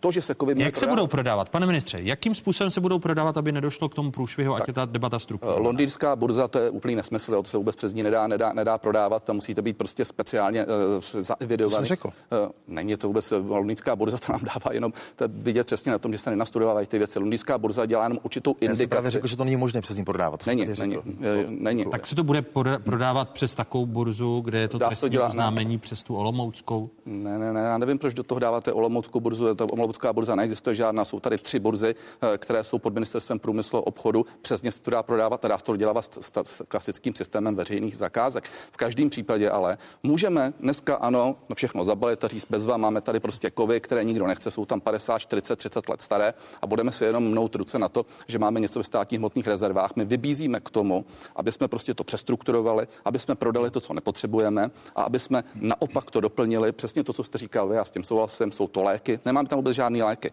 Potraviny tam jsou jak za krále klacka. Eh, jsou tam prostě eh, dneska kovy, který nepotřebujeme. Ty, který bychom potřebovali, jako je litium, jako je tantal, o těch se tam vůbec, vůbec nemluví. A měli bychom to doplnit tou mobilizační technikou, i když, jak znova říkám, minister vnitra říkal, že v tuto chvíli tam nepotřebuje nic, ale nedá se říct, že by tam prostě v čase se nedalo doplnit. To znamená, v tom určitě ano, ale dávejme to ve smyslu moderních zásob, které odpovídají moderním hrozbám a ne době studené války. Ale pane ministře, to, si, eh, to, to souhlasíme. Nicméně je potřeba nejdříve udělat tu koncepci a pak rozprodávat. Protože vy jste mluvil o těch potravinách, my víme, že, že ten krizový plán, který udělalo ministerstvo zemědělství, jsou potraviny na tři dny. Dnes v těch státních hmotných rezervách jsou potraviny pouze na 1,2 dne. To znamená, jsou podfinancované. To znamená, je potřeba ty peníze vracet, obměňovat ten, ty věci, ty peníze vracet do státních hmotných rezerv. A když s takovou koncepcí přijdete, nikdo v hospodářském výboru neřekne ani popel. A řekne ano, když budete eh, transparentně prodávat kovy přes burzu, přes komunitní burzu, budeme tam ty peníze vracet, ty státní hmotné rezervy nepřijdou o ty finance, nebudou podfinancované, bude, budeme se snažit plnit ty plány, které, krizové plány, které k tomu jsou, tak si myslím, že všichni v hospodářském výboru určitě zvednou ruku. Plný, plný souhlas. Tady jenom naváží právě, protože o těch krizových plánech mluví i v rozhovoru pro dnešní otázky komunistický poslanec Leo Luzar, eh, který říká, že právě před tím samotným odprodejem by se měly změnit krizové plány, že předcházíte, respektive stavíte střechu a ještě nemáte základy. Tady jsou slova Leo Luzara. Krizové plánování je teďka nadřazeno rozhodnutí ministra. Minister musí nejdřív změnit krizové plány, následně na to musí zadat tento požadavek státním hmotným rezervám a ty můžou reagovat. Takový by měl být zákonný postup podle krizového zákona. A jak eh, taková změna krizového plánu probíhá. Eh, nejde o rozhodnutí ministra, říká v rozhovoru pro dnešní otázky poslanec KSČM Leo Luzar. Pod změnou krizového plánu je zase podpis ministra. Čili samozřejmě on může dát pokyn, že dle jeho názoru by mělo stát nebo jeho ministerstvo začít řešit tady tuto problematiku. Potom zasedne speciální odbor a útvar, který se zabývá krizovým plánováním a musí změnit krizové plány ministerstva. Samozřejmě to ale nemůže v tomto případě rozhodnout jedno ministerstvo, protože tyto strategické zásoby, byť de facto patří, nebo de jure patří ministerstvu průmyslu a obchodu, tak de facto skladují zásoby pro další ministerstva. Plánujete změnu toho krizového plánování, to, co vám členové hospodářského výboru vyčítají? Eh, ne, my jdeme normální běžnou cestou, akorát podle mého názoru, v čem si nerozumíme, ten hospodářský výbor zbytečně emotivně reagoval na něco s předstihem. On si měl počkat na to, co bude mimo jiné na dlouho plánovaný bezpečnostní radě státu, tam to o tom bylo. To ale je naše jsme, povinnost. Ale v pořádku, jako já vám nechci říkat, co máte či nemáte dělat. Eh, to, proč jsme to dali do toho rozpočtu, bylo proto, že když to teď neuděláme, tak ta cena poletí dolů a proděláme na tom několik set milionů korun. Čili musíme jít paralelně. V jedna věc je, že to je v rozpočtu, jestli se to prodá, prosím vás, v červnu nebo v červenci nebo, nebo prostě v prosinci, přece vůbec není podstatný. Podstatný je to, že teď se předělávají vlastně ty krizové věci, které jste vyříkal. A ty krizové plány tedy, krizové plány. když jsem se vás ptal, jestli počítá se se změnou krizových plánů, tak ano. se s tím počítá. Ano, a bude to do konce toho března? Bude to do konce března. Je to Změna krizových My plánů. jsme dokonce původně to měli, že to bude do 36. Nakonec jsme řekli, pojďme to udělat o něco rychleji, zapojili jsme všechny ty ministerstva, proto jsme jako na tom je relativně dost času v tom příštím roce. A je docela možné, že už k tomu 33. až to bude, takže začneme nakupovat už i v příštím roce. Prosím pěkně 600 milionů korun. Jenom v rozpočtu státních hmotných rezerv a v celkovém rozpočtu eh, České republiky nehraje zas až takovou roli, aby jsme nebyli schopni koupit něco za 200-300 milionů. To je v podstatě rozhodnutí našeho rezortu, které jsme schopni udělat relativně rychle. To, když jsem se díval, co máme v sanacích, rekultivacích, tak tam pracujeme s daleko většími eh, částkami. A jak to bude v tom dalším roce, těch 1,6, tam uznávám, tam o tom diskutujeme velmi, velmi detailně, protože je celá řada fakt komody, který tam pořídit musíme. Uklidnila vás ta informace, že do 30. března nebo do konce března budou zpracovány nové krizové eh, plány a že to vláda uspíší? Tak já za tu informaci děkuji. Uh, úplně mě to zatím neuklidnilo, protože já nezdílím optimismus pana ministra, protože já když jsem jako minister zemědělství čtyři roky nosil požadavky na bezpečnostní rady státu a na ministerstvo financí a na ministerstvo průmyslu obchodu, jaké chci dokoupit strategické zásoby potravin, tak mě s tím zásadě vyhazovali, protože mi řekli, na nic nejsou peníze. Takže já třeba některé komodity jsem musel nakupovat nakonec s uvolněním finančních prostředků rozpočtu ministerstva zemědělství, aby je vůbec dokoupil. A opravdu ten výlet rozpočtu Jinak na příští rok v rozpočtu není schválená, nejsou schváleny nákupy a na ty příští další dva roky také ne. Takže uvidíme, jestli pan ministr přesvědčí paní ministrní financí a vládu. Ale chtěl bych říct jednu věc. Proč já mám takové obavy? Já si pamatuju tři, čtyři roky zpátky, jak tehdy pan ministr financí Babiš eh, dostal zvýšeným hlasem, kritizoval eh, pana předsedu státních hmotných rezerv Švagra za to, že má ve státních hmotných rezervách ropu. Pamatuju si to opravdu emotivně na bezpečnostní radě státu. Několikrát to bylo zmiňováno ze strany, na čo tady máme nějakou ropu, a to, a to vyprodáme. Podívejte se střih, rok 2019. Člověk by řekl, mírová doba, jak je možné, že najednou poprvé v historii státní hmotné rezervy zachraňovaly vůbec rafinerie v České republice a to, aby nedošlo k rozkolísání trhu a tu ropu na tři měsíce eh, dali k dispozici těmto rafineriím. Před třemi lety by se nám to zdalo jako science fiction v době míru, jak je možné, že prostě budeme potřebovat ropu ze státu. Dodám, že šlo o to poškozené, a my tady, my tady poškozené potrubí, my tady špatná kvalita tam byla. Škva, špatná, špatná kvalita ropy. A my tady dneska diskutujeme, říkáme, že to určitě nebudeme potřebovat. Ale já jenom chci připomenout, a pan předseda to říkal, na tom hospodářském výboru zaznělo sofistikované odůvodnění ministerstva obrany, které říkalo, že opravdu s tímto nesouhlasí. A myslím si, že bývalý generální náčelník našeho štábu Šedivý také člověk není, to není člověk, který by tomu nerozuměl. A ten taky jasně řekl, považuji to za chybu, že některé kovy, já neříkám, že všechny, ale některé. A opravdu jste tady předběhli ty věci z toho hlediska toho dobrého manažerského procesu. Například by ta strategie, jak to obnovíme ano. a potom to začít dělat. No, kdybychom udělali strategii, reakce, tak jsme, tak jsme, tak jsme to prodali za poloviční cenu, ale uh, generální uh, náčelník uh, štábu prostě mi to řekl jasně a uh, hovořili jsme o tom, to je pro mě uh, jasná, jasná, jasná informace a jasná instrukce a je to jinak, než jak říkají kolegové, ale uh, co je důležité ještě k té ropě před čtyřmi nebo pěti lety, prosím pěkně, nikdo nemohl spochybňovat tropu jako samou o sobě. Ta je dána Evropskou unii a my musíme mít premiér, pozor, vy zase dáváte dohromady dvě věci. Ropa je na 80 dní a o tom není žádná. Diskuze byla o tom, jaký typ ropy tam má být. Zjednodušeně řečeno, tam je ropa, tam je nafta, tam je uh, klasický benzín a tenkrát se diskutovalo o tom, jestli tam má být takzvaná sladká ropa, to znamená kde z Azerbajdžánu a tak dále. A o tom, že jsme měli pochyby, nebo tenkrát jsem o toho nebyl já, byla pochyb o tom, jestli tam prostě není nějaká malá domu, protože tenkrát prostě v té Victoria Group to dopadlo totálním průšvihem a málem jsme na tom prodělali kalhoty, uh, tak byla snaha prostě zjistit, to jestli tam náhodou prostě není něco zatím jiného. O tom byla ta diskuze, nikoli v principem o ropě samé. Jo, já bych eh, ještě, tak jak to vidím já, já bych chtěl říct, kde je princip celé tady té věci.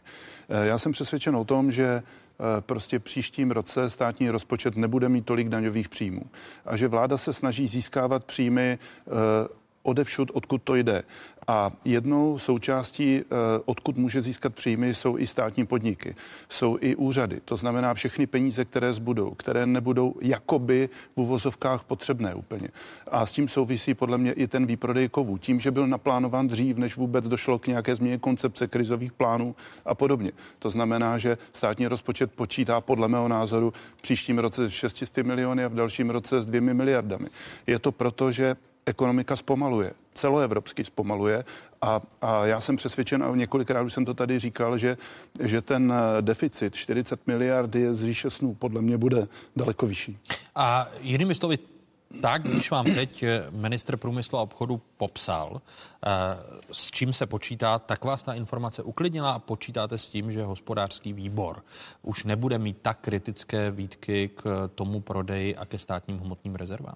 No, bude, eh, bude mít do té doby, dokud nepřijde ministerstvo průmyslu a obchodu eh, s, s tím, že má nějakou koncepci, že vyprodá tolik, že za tolik peněz, že tolik peněz se vrátí zpátky do rozpočtu státních hmotných rezerv, že to nepůjde, protože pokud to půjde do státního rozpočtu eh, jenom proto, aby mohla vláda, teď podle mého názoru, pane ministře, sanovat nějaké jiné věci, tak s tím hospodářský výbor asi souhlasit určitě nebude. Ale pokud... Jinými slovy, když přijde ta koncepce ano. do konce března, jak ano. tady slibuje ministr ano průmyslu a obchodu. A řekne, tolik, za tolik vyprodáme, tolik se vrátí eh, zpátky tomu státu v uvozovkách do státních hmotných rezerv, tak já si myslím, že jsme eh, ochotní schopni s tím souhlasit. Uh. Ano, až na jednu věc. Nedávejme to jedna ku jedné. To není to, že to má stát, že to je nějaký extra benefit. To je povinná daň, si pojištění. Stát se de facto platí pojistku proti nepředvídatelným situacím a může to být klidně více jestliže vyprodáme za 2,2 a dojdeme k závěru, že potřebujeme něco hmm. opravdu nutně, něco důležitého, třeba v oblasti kyberbezpečnosti, nech to je 2,5-3 miliardy. Hmm. To jsou částky, na kterých jsme schopni se shodnout a můžu vám říct, že prostě ty rezorty v tomto jsou velmi, velmi věcné. A třeba to bude o něco méně. Nedávejme to, že teď prodáme za 2,2 a musí tam být přesně 2,2. Jaký, je jaký, jaký je poslední odhad celkové té částky kovů, které z vašeho pohledu jako ministra průmyslu a obchodu jsou zbytné? Teď vám řeknu osobně můj názor a ten jsme dávali dohromady s kolegy prostě z té průmyslové části, samozřejmě s obranou. My bychom skutečně chtěli tyhle ty kovy, které jsou skutečně i uh, velmi často nekvalitní, za ty 2,2 miliardy kompletně vyprodat, protože je k tomu vhodná příležitost. Ale, a to je důležité, nevylučujeme, že mimo tedy dalších průmyslových věcí, které tam průběžně obnovujeme, a teď jsme třeba schválili nějaké elektrorozvodny a tak dále, či není to pravda, že by se příští rok něco nedávalo, tak bychom tam možná zvážili kovy, jako je litium, jako je tantal, a nebo třeba nějaké třeba jaderné, jaderné palivo, což už mimo jiné v minulosti eh, tyhle, ty, tyhle ty diskuze byly. A bylo by to postupně, jo, ale k tomu litiu možná ještě dneska dojdeme. To, k tomu se určitě dostaneme. Jinými slovy, za 2,2 miliardy korun je celkový objem, ale nevylučujete, že by se prodávalo i litium a, a další Tak my kovy, tam které... rozhodně nebudeme doplňovat za 2,2 miliardy kovy. Jinými slovy, bude ale šance tam doplnit právě třeba ty potravinové věci, bude tam třeba doplnit ty uh, věci prostě jako jsou léky a tak dále. Za celý ten ano. objem? Já říkám, nejde o ten objem, může No to jde o ten více. objem. Eh, No, ob, objem to, aby, Nebo méně. aby nula od nuly pošla a, to je... a netratili státní hmotné rezervy a abyste ze státních hmotných rezerv nesanovali jiné věci ze státního rozpočtu. A já tak, ale principálně odmítám právě tohle to, že prostě to bude nula od nuly. Třeba to bude více. Proč to musíme dávat na 2-2? To by Nebo bylo to bude skvělé, méně. pane Musí ministře. to být to, co tam potřebujeme, a ne ve smyslu toho, že teď zrovna odebereme miliardu a přesně miliarda tam musí přijít. Dívejme se na to nejdřív z pohledu toho, té struktury a pak teprve z úhlu pohledu, kolik to stojí. Poslední poznámka Mariany. Pane ministře, já se omlouvám, ale vy nám tady tak trošku mažete med kolem úst, protože vy nám říkáte, že už v průběhu příštího roku uděláte aktualizaci a klidně budete dokupovat už v příštím roce. Tak tam eh, ty požadavky rezortu, jako bylo ministerstvo zemědělství, které říkalo, máme tady požadavek na nějakých 350 milionů nezbytně nutných potravin. Jsou to staré tak, požadavky, budou nové 33. Tak, oni se nebudou měnit, to vám garantuju, protože ty lidi tam jsou pořád stejní. A myslím si, že to je opravdu e, s velkou erudicí napočítáno, proč zrovna toto potřebují. A vy na příští rok jste řekli nic, tyhle požadavky nic, minus 116 miliard a dneska pro diváky pod tím tlakem, který jsme 116 otevřeli, milionů. 116 milionů, děkuji za opravu. Říkáte, možná ještě příští roce nakupíme. Já si to budu přát, když to takhle dopadne, ale přijde mi to trošku jako science fiction z říše snů. 116 milionů v tom nehraje vůbec, vůbec žádnou roli na těch 30 miliardách, které tam jsou. Ty se tam dějí tak jako tak. Teď jsem zrovna schvaloval za ministerstvo průmyslu nějaké elektrorozvodny, ani o tom třeba nevíte. To znamená, buďte v klidu, nepřijde nikdo o nic, jenom jde o to, to pročistit. To je důležitá věc. Bohatství ukryté v zemi. Bohatství, které dominovalo předvolební kampani eh, v roce 2017. Mluvím o lítiu. Eh, V Česku jsou podle odhadů asi 3% světových zdrojů lítia, naprostá většina na Cínovci a malé množství ve Slavkovském lese. Ložisko u Cínovce je podle údajů největší v Evropě. Eh, Slýcháváme to poměrně často. Může Česko významně promluvit do trhu s litiem? Jak velký litiový potenciál Česká republika vlastně má? Zdrojů je hodně, ale skutečně vytěžitelných zásob je méně, říká v rozhovoru pro dnešní otázky geolog Jaromír Starý.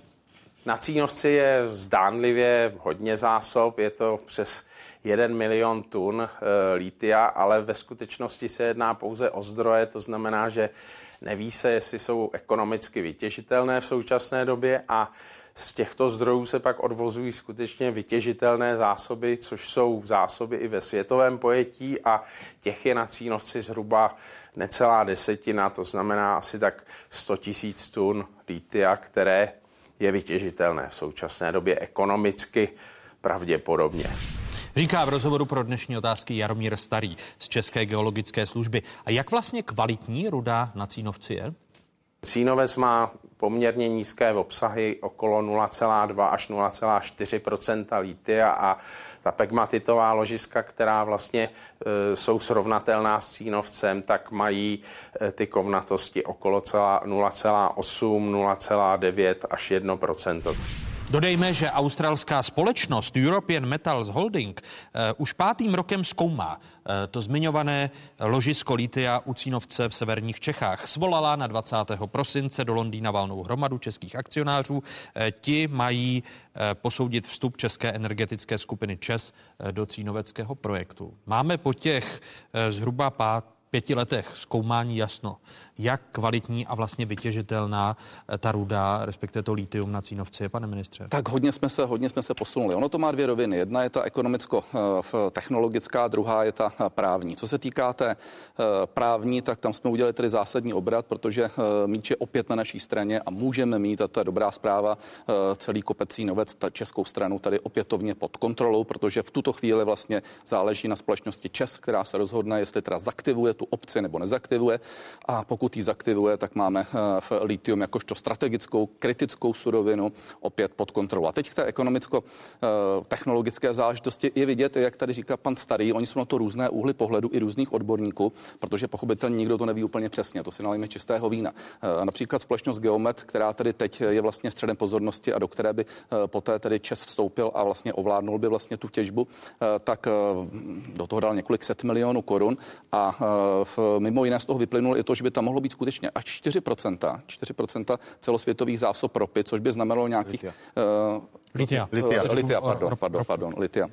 Což by znamenalo nějakých teoreticky 700 milionů tun litiové rudy, což by mohlo znamenat, a to je to klíčové, nějakých 7 milionů tun litiového karbonátu, což je vlastně ten bílý prášek, který se z toho udělá. A protože lze předpokládat, že to litium bude skutečně kritickou a strategickou surovinou s ohledem na mobilní telefony, e-mobilitu, auta tak dále, tak pokud by se toto podařilo, by, bylo by to skvělé. Je ještě třeba říct ale jednu důležitou věc, a to je pravda. Teď to řeknu trošku kupecky jednoduše. To litium je tam vázáno na slídu, to znamená, musí se vlastně jako od toho technologicky oddělit. To znamená vlastně v tuto chvíli ČES uh, společně se všemi významnými univerzitami, zahraničními subjekty a tak dále dává dohromady vlastně výzkum, výsledkem čehož bude jakési tedy uh, technologicko-ekonomické due diligence ve smyslu toho, jak to lze oddělit, dává to smysl, je tam skutečně ta možnost uh, vytěžit tolik, jak to bude logisticky, jak to bude se zpracováním a tak dále. To právní due diligence je hotové, čili tam ten míč, jak jsem říkal, je na naší straně. A teď, co je důležité, do 31. března má ČES možnost se vyjádřit. S tím, že tedy uh, ty průzkumy ukončí pravděpodobně během několika dnů, maximálně týdnu a v tom prvním čtvrtletí budeme vědět, na čem jsme. Takže dobrá zpráva je ta, máme to opět pod kontrolou. Nicméně, nebude-li to samozřejmě kvalitní a zjistíme, že tam není ta šance, pak pochopitelně ten čes jako hospodář eh, rozhodne zřejmě jinak. To je, to je to, co zatím jsem ale slyšel od odborníků, kteří rozumějí tomu, jak složité je separovat tu slídu, chápu-li to správně, hmm. od toho lítia, že budeme mít něco pod kontrolou, co stejně vlastně bude neekonomické, protože něco jiného je velikost zásob lítia na Cínovci a něco jiného je za současných technologických podmínek z té rudy to litium dostat. Pak by tam ale pochopitelně, kdyby to vyhodnotil jako negativně, Čes nešel. A ještě důležité říct jednu věc. Že by nevstupoval do té nevstupoval. společnosti, nevstupoval. Eh, do té tak. European Metals, Metal Holding, do, do té dceřní společnosti, do toho Geometu. Tam je důležité jednu, říct ještě jednu věc. Když tam vstoupí Čes, tak tam samozřejmě musí dorovnat těch 51%, což by bylo v maximální míře 34 milion eur, ale je důležité, že on by to vkládal do základního jmění. To znamená, bylo by to vlastně ve prospěch té společnosti a ve prospěch těch dalších průzkumů a pochopitelně té, té těžby. Ale to, jestli se rozhodne ano nebo ne, bude vyplývat právě z těch ekonomických, technologických ano. uh, výzkumů. Přijde vám tento postup správný, pane předsedo Pane rektore, já bych začal od začátku. Pan ministr popsal tu situaci taková, jaká je, ale začněme od té schůze poslanecké sněmovny, kdy vlastně došlo k tomu, že nějaká firma australská měla tady eh, ovládla českou společnost a měla eh, v Česku těžit litium. Všichni se tomu podivovali a dokonce i dnes se tomu podivujeme a já bych a teď musíme dělat složité procesy, a pan minister to tady popsal, abychom ovládli zpátky společnost Geomet a dostali se k tomu litiu v případě, že to bude finančně zajímavé pro Českou republiku. Ale já bych začal od začátku a my musíme, pane ministře, v následujících letech uh, udělat to, a já jsem přesvědčen, že to musíme udělat legislativním procesem, aby už se nemohlo stát, že strategickou surovinu nebo strategickou infrastrukturu může dostat k dispozici jakákoliv společnost, která zítra může být vlastněna kýmkoliv celého světa. To znamená, to, to je věc, která mi na tom vadí, co se stalo. Já jsem byl jedním z hlavních iniciátorů té schůze poslanecké sněmovny. Vláda na to měla dva roky. Řekl bych, že ty procesy zatím ani nezačaly k tomu, aby se něco takového nemohlo opakovat. A sněmovna se k tomu bude muset vrátit. A já bych se chtěl zeptat i pana ministra, jestli dělá vláda nějaké kroky, jestli ne, tak samozřejmě pokud mohu mluvit za hnutí SPD, tak my to takhle nechceme nechat. My chceme, aby strategické suroviny, strategickou infrastrukturu, máme státní podniky, které prosazujeme například Diamo, které by to mohlo dělat. A, a jsme proti tomu, aby, aby jakákoliv společnost, která může být ovládaná zítra někým jiným ze zahraničí, to mohla těžit.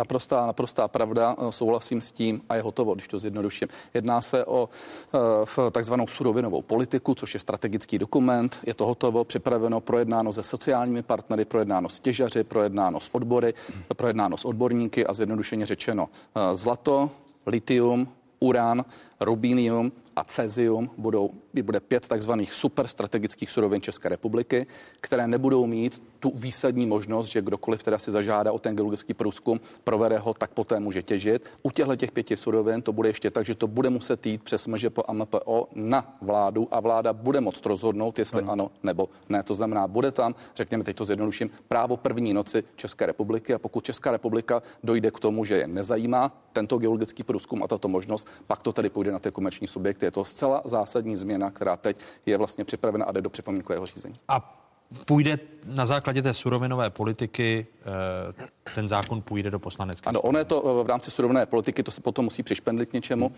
ale eh, není to nic v souvislosti s horním zákonem, tam je to trošku jiné, ale je to vlastně strategický dokument zjednodušeně. A kdy se, kdy, kdy, se, kdy se dostane ta, ten strategický dokument do sněmovny? Teď je v, mezi, v připomínkovém řízení, to znamená, předpokládám, že to bude otázka. My jsme to schvalovali, je to asi tři týdny, čtyři týdny.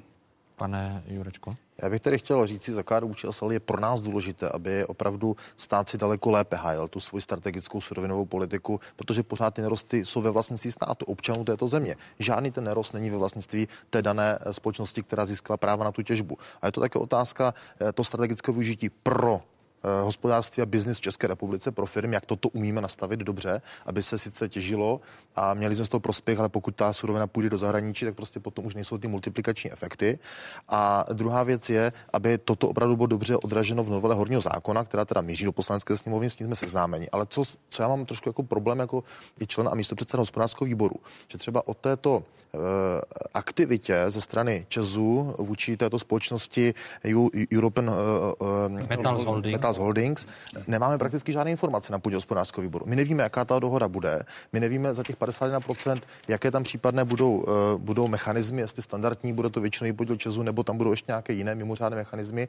A třeba pro mě je taková zajímavá informace, když jsem se včera díval, tak tato společnost má dneska na burze hodnotu 710 milionů korun podle akcí. A my budeme kupovat 51% podíl prostřednictvím Česu za 870 milionů korun. Ale to jsou věci, já, ne, já neříkám, že tam musí něco špatně, ale je, je podle mě chybou, že ministerstvo průmyslu a obchodu v rámci třeba informací, neříkám, že všechno se dá pro nás poslance zveřejnit, ale že s tím nepřijde na hospodářský výbor a neřekne nám, toto jsou strategické kroky, které děláme, k tomu bude následovat i nějaká legislativa, co na to říkáte, budete to podporovat. Toto mě chybí.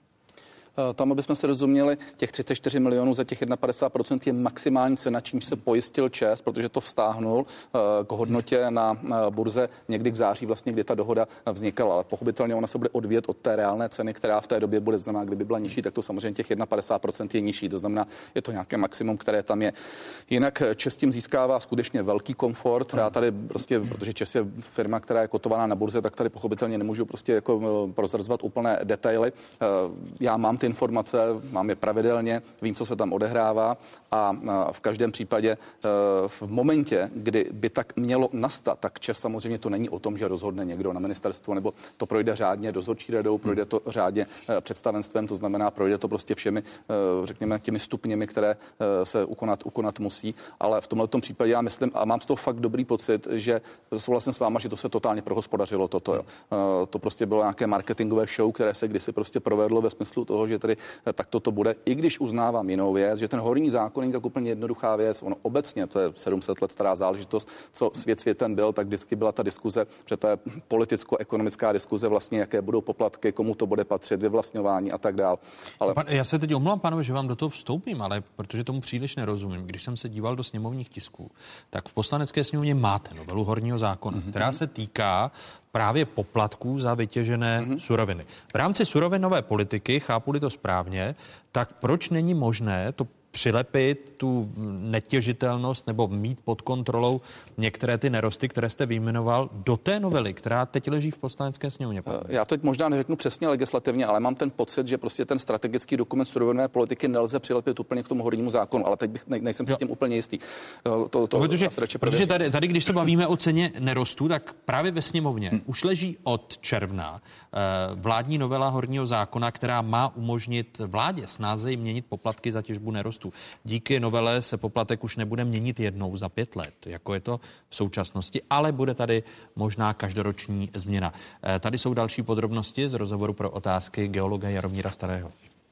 Co současný pojetí poplatku, kdy e, ty poplatky spočívají v absolutních hodnotách, tak to není příliš šťastné, protože eh, ty absolutní hodnoty finanční nereagují vlastně na výkyvy trhu a lepší je z mého hlediska nebo podle mého názoru ty poplatky odvozovat relativně z nějakého produktu a výše těch poplatků těžko říct. Ona, co se týče lítia, je kolem 10 tisíc korun za ekvivalent vytěžené tuny kovu. Když tyto poplatky byly stanovovány, tak to bylo zhruba kolem 4, 4% tržní ceny toho kovu. Potom kov prudce začal stoupat jeho cena, takže se to dostalo eh, pod 1%, ale v současné době zase trend je takový, že eh, ceny kovu lítia velice klesají a eh, nevím, kolik je to přesně, ale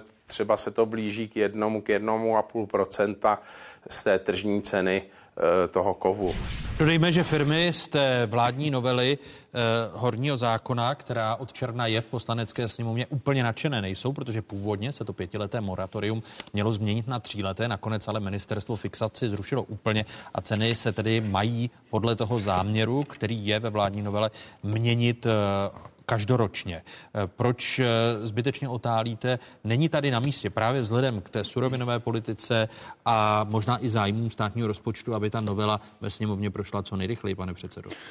Je to na ministerstvu, na vládě, na ministerstvu průmyslu obchodu. Já si myslím, že ta novela mohla být součástí toho horního zákona. Eh, teď je otázka jenom právníků ministerstev, jestli, jestli to k tomu dali nebo nedali. Podle mě ještě nebyla, nebyla hotová, nebyla zpřípomínkovaná, proto proto se nestala součástí toho horního zákona a půjde tam o něco později.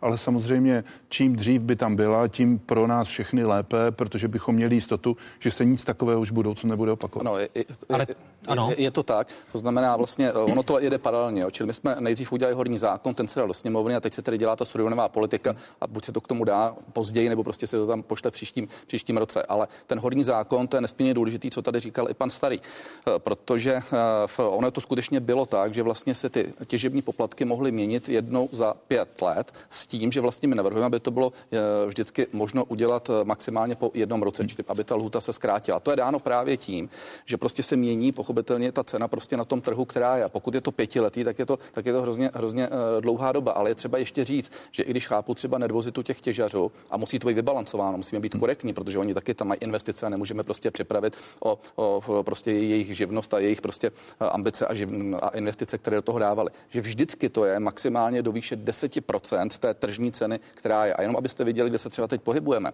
tak třeba u ropy jsme okolo 5%, čili tam je vůle skoro dvojnásobná, ale třeba u uhlí čehož je suverénně nejvíc, to je polovička prostě všech poplatků je uhlí, eh, tak jsme na eh, výši mezi jedním až eh, dvěma procenty. To znamená, je tam relativně velká vůle na toto přimířeně navyšovat, ale nesmíme to zase udělat tak, ano. že bychom jim to prostě zlikvidovali. Marian Jurečka? Já jenom doplním, já jsem předtím zhruba čtyřmi lety, kdy se ta novela horního zákona tehdy projednávala, kde se bohužel tedy zavedla ta fixace, tak jsem byl jediný člen vlády, který byl proti této fixaci a byl jsem asi jeden z pěti poslanců celé sněmovny, který byl také proti té fixaci, protože jsem ji považoval za páchání zla vůči státu, vůči obyvatelům této země, protože jsme řekli, milí podnikatele v této oblasti, my vám na pět let víceméně fixujeme tady tuto kvazi daň, ten poplatek z dobytých nerostů, ale vůbec nejsme schopni jako stát na to reagovat z pohledu vývoje té ceny. Tak jsem rád, že teď konečně se tady tato věc narovnává. Myslím si, že v pořádku, že tam bude plovoucí mechanismus, který bude reflektovat náklady, řekněme, efektivitu té těžby a podle toho se bude odvět ten poplatek, ale tak, aby ten poplatek byl výrazně efektivnější, než je tomu dnes. To je jedna věc k novele horního zákona. A druhou věc ještě se tady dovolím trošku rozporovat eh, to, co říkal pan ministr. Eh, když jsem se díval do materiálu, tak mě překvapilo, že ten záměr vstupu Česu do této eh, společnosti Geomet nebyl projednán na valné hromadě Česu před prázdninami, což bych řekl, že z hlediska strategického směřování Česu je to úplně najednou nějaká no, no, nějaký nový typ aktivity a investice, který Čes bude provádět. A pak se zeptám, jestli nebyla třeba debata na vládě, jestli by nebyl daleko vhodnější podnik Diamo, který má s těžbou bohaté zkušenosti, aby on byl ten strategický investor. Než aby to byl Čes. Stát, než aby to byl jako Čes, firma, kde budeme mít samozřejmě asi možná i problém s minoritními akcionáři. Zatímco u Diama by nám tento problém odpadl. A pořád by to byl stát, který by to vlastnil. A myslím, že je v pořádku, že stát do toho, do toho vstupuje. Jenom je to otázka té formy, jestli je ta nejoptimálnější. Ne, tak on to není Čes, ne, to je jeho dceřiná společnost, uh, to do České doly, ale uh, co se týká Diama, tak uh, Diama by to neufinancovalo. Prostě Čes je bohatá společnost, je vybavená prostě lidským kapitálem finančně a hlavně pro ten ČES to dává obrovský smysl ve smyslu business plánu. To znamená, ČES tím pochopitelně nesmě, nesleduje to, že pomůže České republice a naší vládě. ČES tím sleduje to, že by si zabezpečil vstupní surovinu, čili litium, proto, když by tady vybudoval v podstatě fabriku na baterie, litiové baterie, a v tu chvíli on by vlastně měl celý ten řetězec. Vstupní surovina, vyráběl by ty baterie a ještě by měl vlastně Musí šanci se na to vyplatit. To znamená, pro ten ČES se to geniálně vyplatí z úhlu pohledu podnikatelského záměru. Kdyby to dělalo Diamo, jakož na to nemá ani peníze dneska a pravděpodobně by to nezvládlo ani personálně a produktově, tak hlavně jim by to nedávalo. Pokud, pokud ale bu- bude možné, a znovu se vracím k těm technologiím toho, co jsem se snažil v týdnu pochopit, eh, odstraňování té slídy v rámci Ano, ano, eh, ru- rudy, to zda ta ruda u nás je kvalitní, protože nikdo nespochybně celkové eh, objemy zásob litia. Já jsem tu otázku zasl proto, protože se může stát, že v okamžiku, kdy jsou tady určité nároky, jak má postupovat management Česu z péči řádného hospodáře, které jsou, řekněme, z toho, že tato společnost je také vlastně nad drobnými akcionáři, tak jsou o něco vyšší, než to, co si může dovolit stát u podniků, které vlastní sám ve své struktuře, v tomto případě 100% vlastník stády ve vztahu k Diamu. Vy- vy Takže neočekáváte v okamžiku, problémy s těmi malými, kdyby, drobnými kdy- kdyby selhala ta strategie vstoupit do tohoto, eh, do, do firmy Gomet přes eh, eh, dceřinou eh, firmu Česu. Tak vidíte Diamo. Jaké jsou další strategie vlády? Protože já za sebe považuji důležité, aby se tento strategický vstup a řekněme kontrola nad těžbou litia ze strany státu realizoval.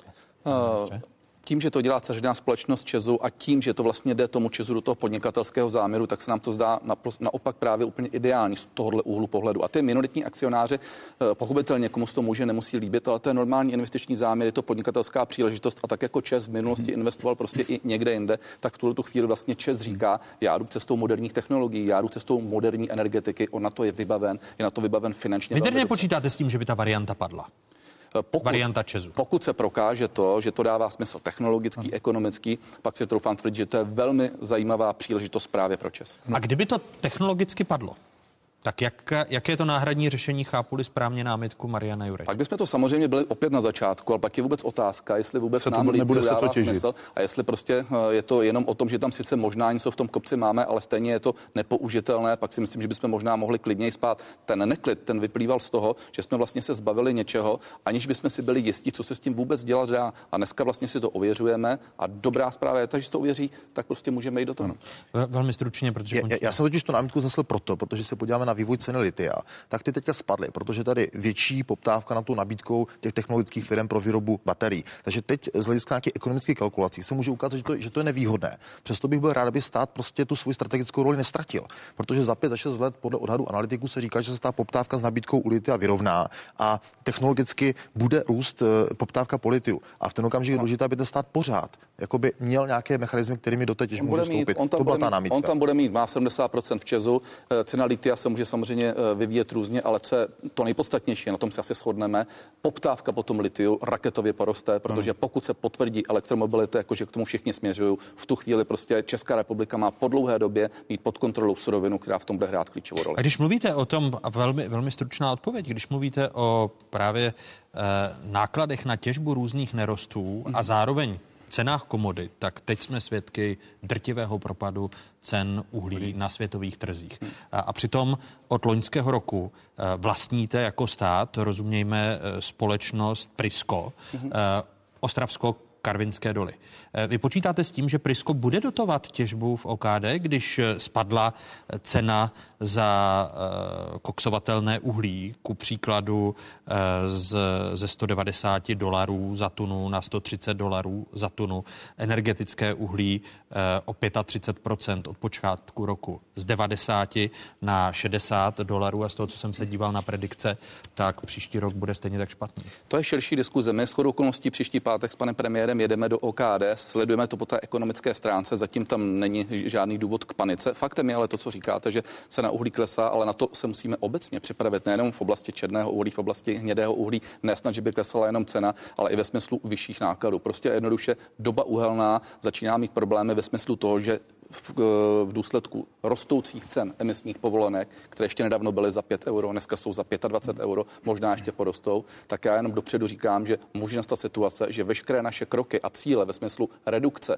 uhlí a těžby uhlí v roce 30, 35 a tak dále mohou vzít za své a že to všechno půjde díky ekonomickým faktorům daleko rychleji. A to je třeba ten důvod, proč se musíme připravit na nové zdroje, bezemisní zdroje, na jádro, proč se musíme připravit na obnovitelné zdroje a zabezpečit soběstačnost České republiky v důsledku toho, že ta dekarbonizace může probíhat ještě rychleji. Jak dlouho tedy budete jako Prisko dotovat eh, těžbu uhlí v OKD. Prisko musí dojet eh, prostě ten svůj cíl a ty ambice, které jsme tam dohodli, to je i s ohledem na region, je to s ohledem prostě na dodávky prostě ostatním uh, společnostem, které tam jsou. Uh, já teď nechci spekulovat přesně, v jakém roce to bude, ale to, co se vyřklo, tak to uh, by se mělo splnit a příští týden... I když, prostě i když to bude prodělečné. Hmm. Tak samozřejmě to je vždycky riziko prostě toho státu, uh, nebo respektive toho vlastníka, ale na druhou stranu je tam uh, šance určitě pracovat s nějakými úsporami, prostě přestrukturovat uh, tu společnost, udělat prostě nový business plán. Je tam konečně teď i nové, nové vedení, takže není tam nějaká, řekněme, tragická eh, situace, ale v každém případě musíme prostě eh, řešit Prisko i na té úrovni, nejenom ekonomické, ale na té úrovni prostě eh, klíčového hráče stále toho regionu a i když tam jednoznačně dochází k tomu útlumu. Takže i když, i když hospodaření Priska bude ztrátové, tak stát těžbu v OKD udrží. Eh, já neumím teď přesně říct, prostě, co nastane přesně, zatím to není ztrátové. Jo. Eh, samozřejmě ten stát ale musí eh, splnit to, co tam řekl, to znamená, musí tam prostě dojet ten režim teď. No, no letos se nepočítá s tím, že by byl zisk. Budete rádi, když bude hospodaření OKD v rámci vlastní kapriska na nule. Proto se ptám, jestliže ty ceny, a to ještě Prisko fungovalo přelom roku v relativně dobrých cenách, ale pokud budou příští rok ceny uhlí energetického i koksovatelného na těch hodnotách, o nich jsem mluvil, tak to bude ztrátové, pane ministře. No, otázka je, jak se tam nastaví celá ekonomika. My tam máme, nezapomínejme, řádově uh, 3 miliardy uh, rezerv, které tam prostě byly, to znamená uh, zdrojů, které, které prostě se tam vygenerovaly, to znamená, z toho se samozřejmě dneska dá ta ztráta sanovat. Je pravda, že asi ne na věčné časy. No a poté je to otázka toho, prostě, jakým způsobem prostě do toho budeme opět zdroje dávat, případně jakým způsobem se tam nastaví prostě celá ekonomika té společnosti. Ale na rychlejší útlum nejste připraveni? Zatím ne. Já jenom doplním vlastně tehdy ještě za naší vlády, když se ta strategie, že by stát do toho stoupil, schvaloval, jsem mluvil zhruba o výhledu 8 let, že by hmm. mělo docházet k tomu útlumu. A myslím si, že teď ten stát má posvodit optikou, jestli ty náklady, které by případně znamenaly dofinancovávání té ztráty, eh, budou menší než náklady na sanaci těchto lidí v rámci sociálního systému. No, proto se tak, vám, tak tam pan minister řekl hmm. ne. Pak za mě jednoznačně ten stát je potom v situaci, kdy má říct, je lepší nám dotovat nějakou menší ztrátu a ty lidi udržet plus návazné firmy, které jsou na to navázány, hmm. než to dávat v rámci potom eh, politiky nezaměstnanosti, vytváření sociálních problémů, sociálního napětí v tom regionu. Takhle by se ten stát měl podle mě chovat. Ano. Jestli, jestli můžu.